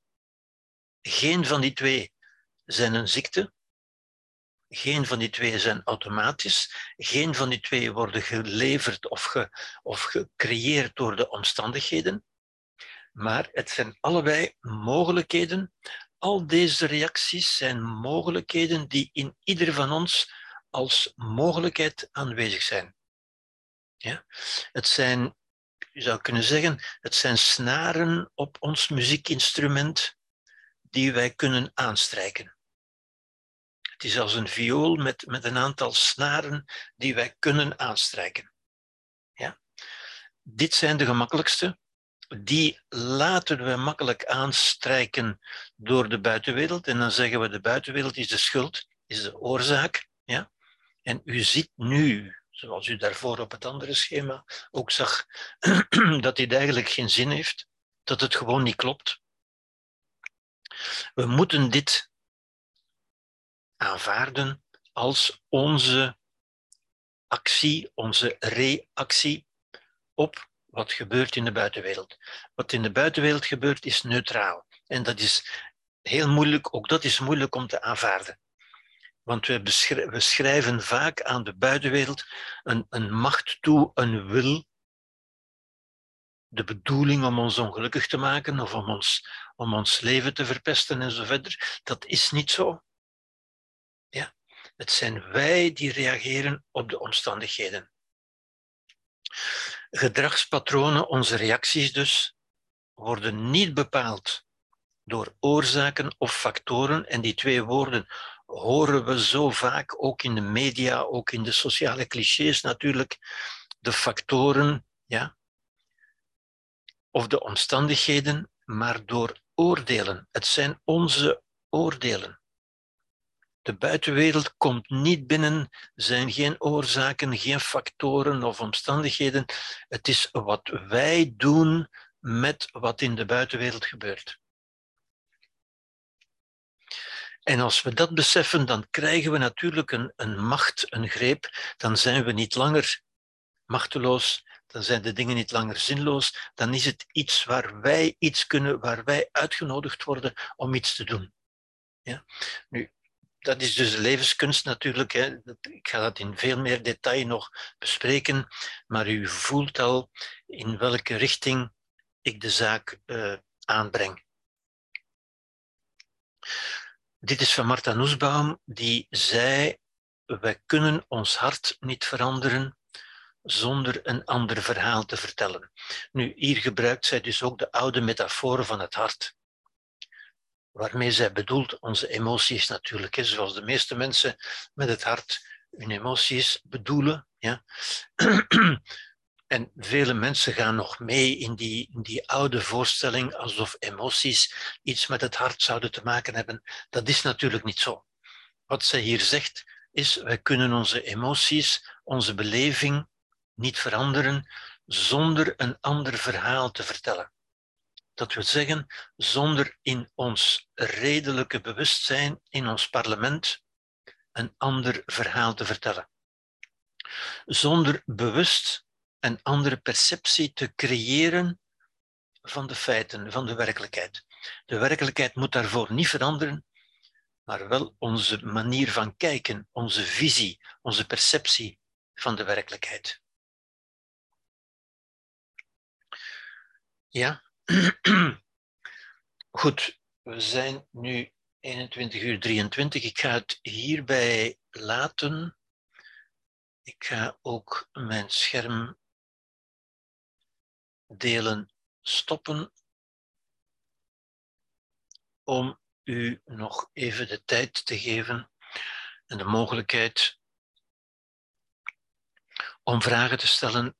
Want ik ben mij bewust natuurlijk dat ik hier een hele visie in, in toch in een vrij korte tijd heb naar voren gebracht.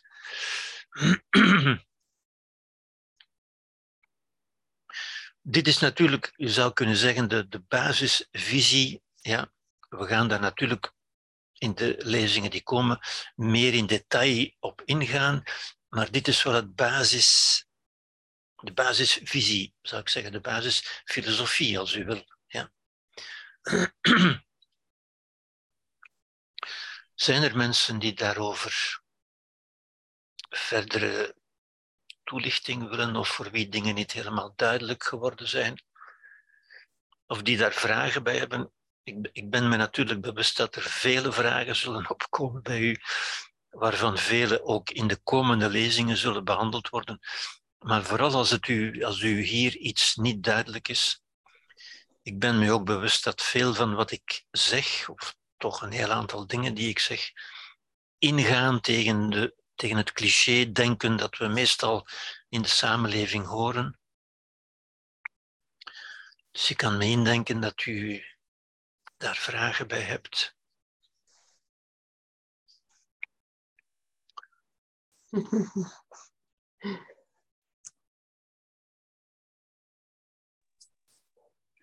Kunt u mij nu horen?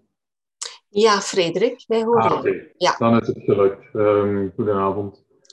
Um, ja, u hebt mijn grootste vraag eigenlijk wel in uw presentatie beantwoord. Ik vroeg mij af vooral van hoe komen stress en angst. Uh, ik versta u moeilijk. Wil u duidelijk spreken? Ja, um, u had mijn grootste vraag eigenlijk wel beantwoord al in de, in de presentatie. Ik vroeg mij eigenlijk af hoe dat stress um, zich vormt in ons hoofd als er geen werkelijke reactie, uh, werkelijkheid is, uh, geen externe werkelijkheid, maar het zijn dus die imag imaginaire beelden die daartoe leiden. Die interne realiteit die die stress vormt eigenlijk. Hebt u het over stress? Ja, bijvoorbeeld. Is dat uw uh, vraag? Ja, ja, inderdaad. inderdaad. emotie, negatieve emotie. Ja, stress is op zich geen emotie maar is wel het gevolg van, ja, hoe moet ik het zeggen? Zoals alles. Het gevolg van bepaalde oordelen, zou ik zeggen. En ik, ik, ik zou daar liever nu niet op ingaan, omdat ik daar uitgebreid op terugkom in een van de volgende lezingen. Stress is namelijk, zou ik zeggen, stress is een centraal uh, concept, een centraal ja, concept, een centraal station, zeg ik soms, wat het begin is van lijden. Alle lijden begint met stress. Stress, zou ik zeggen, is een eerste vorm van lijden. Stress is eigenlijk al een vorm van lijden. Ja? En ik zou het ook, het ook dan um, meer in detail bespreken, maar ik ga daar zeker in, in detail op in, want het is, het is heel belangrijk van te begrijpen hoe wij onwelzijn, stress is onwelzijn natuurlijk, ja, hoe wij ook dat creëren. Ja? Want ook daarin zit een logica. Ja? En dat, dat is het, essentiële idee. Er, er zit een logica in onze subjectieve beleving. Wij ondergaan niet zomaar, wij doen iets actief.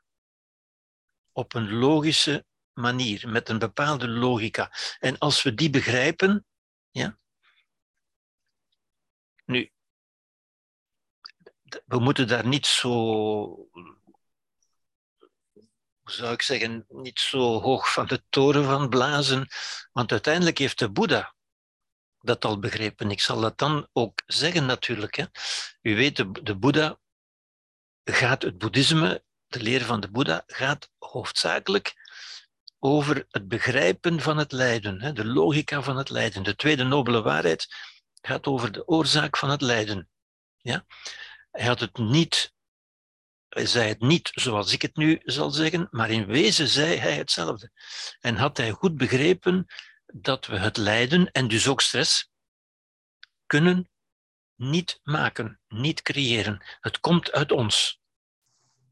Niets geeft ons stress, niets doet ons lijden. Ja. Maar dus ik, zou er nu, ik ga er nu niet verder op ingaan, want dan, dan, dan moet ik weer een hele uitleg geven die, die later komt, die later meer op zijn plaats zal zijn. Maar ik kom daar zeker op terug. Ja. Maar zijn er vragen of, of opmerkingen bij, bij wat tot dusver is gezegd?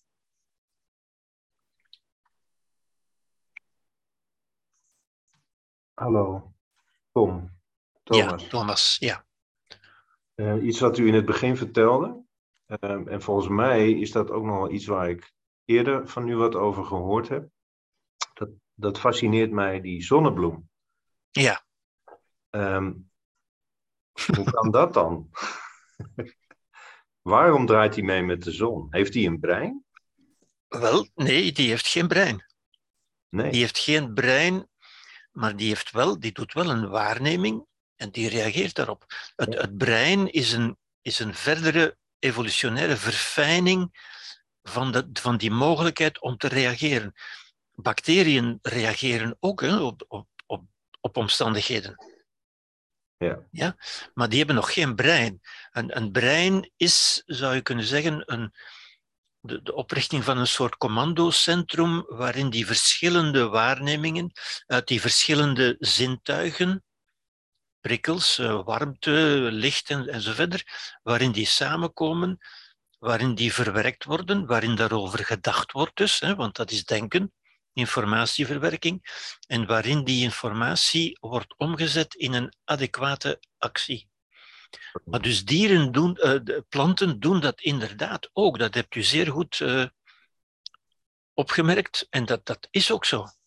En ook vele dieren die geen brein hebben, reageren toch adequaat. Ja? Een aantal dieren hebben ook, hebben ook wel neuronen, maar nog geen gevormd commandocentrum in, in een brein. U weet, een octopus bijvoorbeeld heeft verschillende breinen, verschillende centra, commandocentra zou je kunnen zeggen. En uiteindelijk zijn die in de evolutie samengevoegd tot één orgaan, een complex orgaan dat uit verschillende onderdelen bestaat, maar die op één plaats gelokaliseerd zijn. Maar eh, het is, het is inderdaad zo. Overleven wil altijd zeggen zich aanpassen. En u kunt zich maar aanpassen als u begint met kennis te nemen van wat er is. Ja, dank u wel.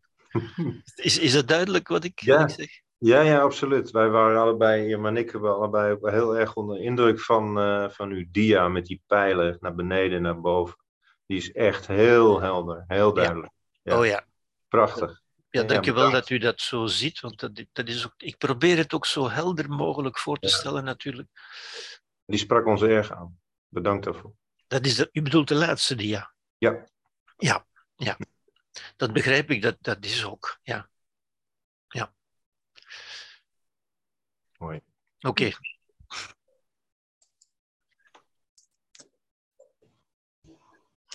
Dina?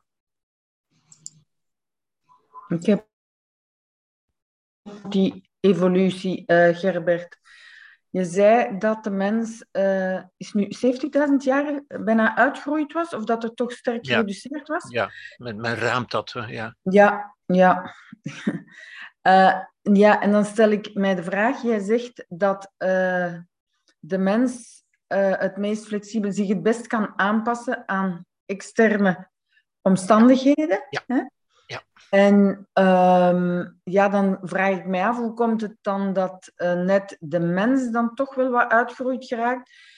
En dat anderzijds dieren, ik vond dat wel een, ook een, een, een interessante opmerking of gegeven, dat dieren zich het meest diversifiëren.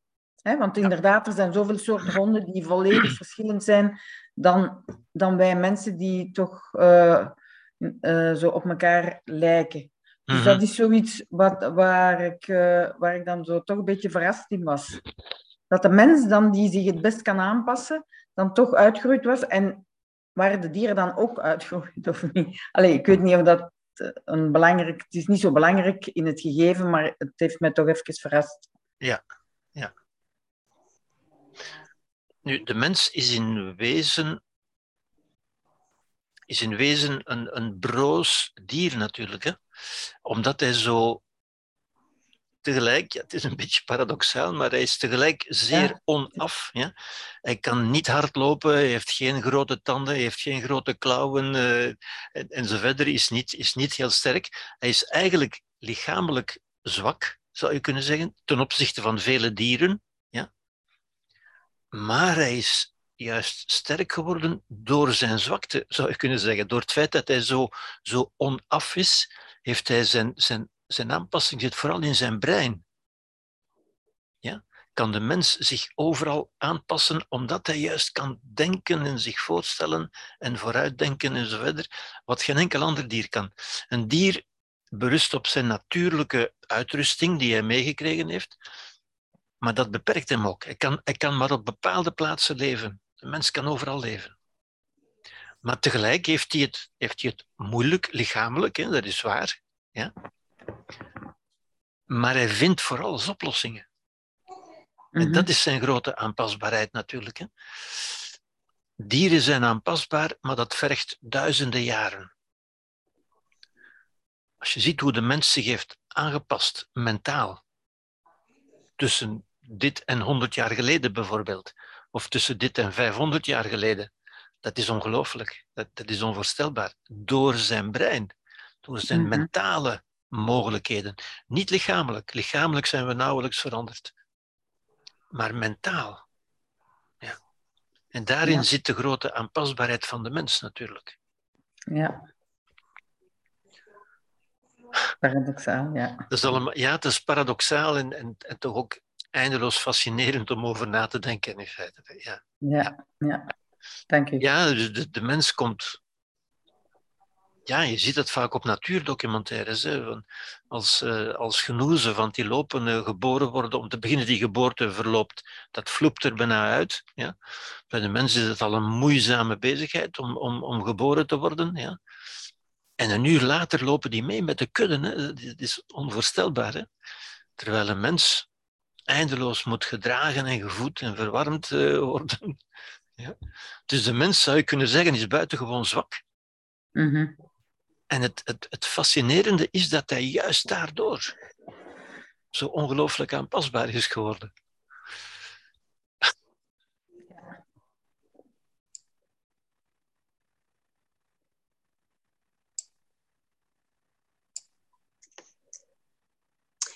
Frederik wil nog een eh Ja, toevoeging doen. Ja. ja. Hm? Ehm, hoe zit het met fantoompijnen? Bijvoorbeeld mensen die een amputatie hebben gehad. En die, je hoort dat soms dat sommige mensen dan pijn blijven voelen in hun Ja. onderarm, terwijl die er niet meer is, bijvoorbeeld. Dat zijn ook gewoon die connecties die nog blijven nawerken dan? Of, Ja. eh, Eh, nu gaan we wel heel gespecialiseerd natuurlijk. ja, dat, dat zijn eigenschappen van neuronen. En men begrijpt dat niet helemaal, maar men begrijpt er toch wel iets van uiteindelijk. Ja. En dat is omdat eh, als bepaalde, als bepaalde input, als, als het brein een bepaalde input verwacht uit een lidmaat bijvoorbeeld, hè, de input van, van wat we voelen, ja. en als die input niet komt, dan blijkbaar, kennelijk is het zo, dat het brein dan zelf input gaat produceren. Ja? En dat men dus, maar dat toont ook aan, ja, dat toont ook aan, dat, dat is eigenlijk een bijzonder, ook zo'n fascinerend iets eigenlijk. Hè. Mensen zeggen vaak, ik voel in mijn lichaam, of ik voel pijn in mijn lichaam, maar dat toont ook aan dat we de pijn niet in het lichaam voelen, maar wel in het brein. En dat het brein dat die pijn lokaliseert in het lichaam, zelfs als het er niet meer is. Heel merkwaardig. Ja? Maar ook dat, dat, zegt iets van die mensen die, die zeggen, je moet naar je lichaam luisteren bijvoorbeeld, hè, want mijn lichaam zegt mij dat en zo verder. Nu, dat gebeurt allemaal in het bewustzijn. Ja? Het, het bewustzijn van het lichaam gebeurt in het brein. Ja? En in het brein, dat, dat weet men nu, kan, kan men echt een, een lichaam tekenen met de plaatsen waar bepaalde ehm, input, bepaalde sensoriële eh, prikkels binnenkomen en waar sommige motorische dan weer verdwijnen, weer naar buiten gaan. Men kan dat precies in het brein aangeven. Ja? Trouwens, op die manier verklaart men ook tinnitus, hè? het oorsuizen. Ja? Oorsuizen wordt nu verklaard doordat, door, door, door veel lawaai meestal, ehm, bepaalde oorcellen beschadigd raken en uitvallen, niet meer functioneren, en dat het brein zelf die, die dat geluid, die fluittoon vaak gaat produceren. Ook tinnitus doet zich niet voor in het oor, maar in het brein. Fascinerend allemaal.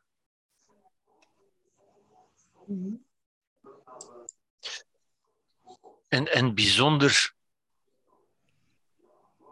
verstorend, zou ik zeggen. Ja, dat, dat verstoort echt mensen die dat, dat oude idee aanhangen van ik zit niet zo in mijn hoofd, ik zit in mijn lichaam, zeggen de mensen dan. Ja?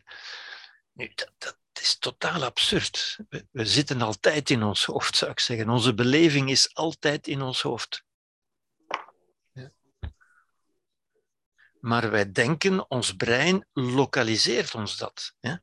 Zegt ons van, kijk, dit voel je nu in je, in je vingers, bij wijze van spreken. Maar ik voel het niet in mijn vingers, ik voel het in mijn brein. Ik heb nog wat vragen over die tinnitus.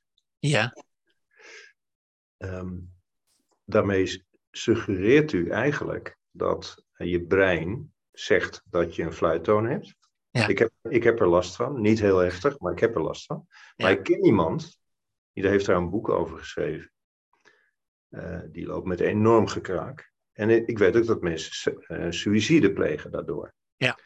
Maar door wat u zegt, zou je haast denken dat je je brein kunt gaan beïnvloeden op enig moment. wel, daarop zijn de, de, de huidige onderzoekingen zijn daar ook op gericht. Want de ervaring van tinnitus is in het brein. Ja? Er is schade in de, maar het is eigenlijk net als fantoompijn.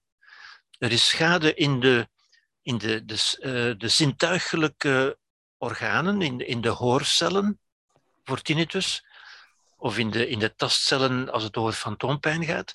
En het brein reageert daarop door, door zelf dat in te vullen, bij wijze van spreken. Ja? Zoals bijvoorbeeld ook, het brein doet nog zo'n zo'n dingen hoor. Bijvoorbeeld, wij zien niet onze blinde vlek. Terwijl ieder van ons in het oog een blinde vlek heeft waar je niets ziet, maar die zien wij niet. Omdat het brein dat invult. Dat heeft toch ook met evolutie te maken, denk ik. Hè? Dat is omdat die zenuwcellen op dat oog juist daar naar binnen gaan en daar heb je dan geen receptoren zitten. Zeker, zeker, Ja. natuurlijk, natuurlijk, natuurlijk. Maar het is, er is wel een blinde vlek daar. Er is een plaats waar je niets kunt zien doodgewoon. Toch zien wij die blinde vlek niet. Wij hebben niet het idee dat er een gat zit in ons, in ons gezichtsveld. Voor ons is dat compleet. Maar dat wordt dus door het brein ingevuld. Fascinerend allemaal. Ja. Mhm.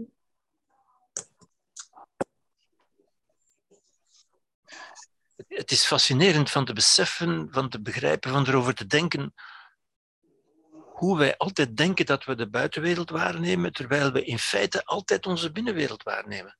Een, een voorstelling van de buitenwereld.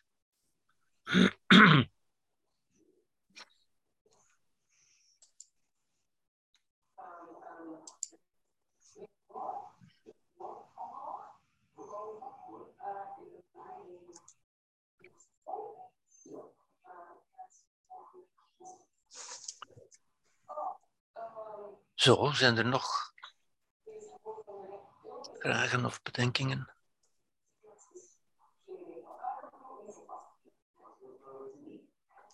Zo niet,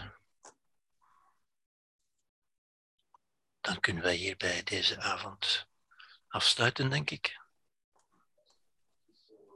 Denk je niet, Mia? Ja. Kijk nog even rond en ehm,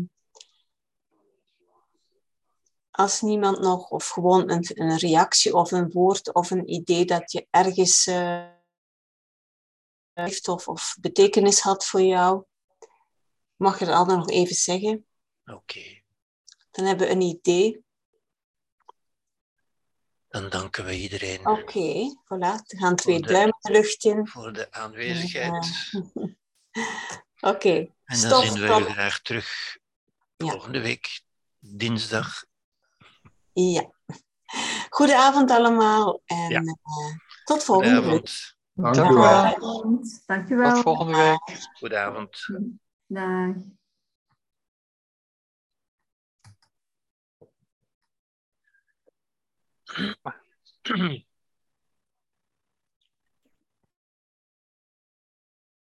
Ja.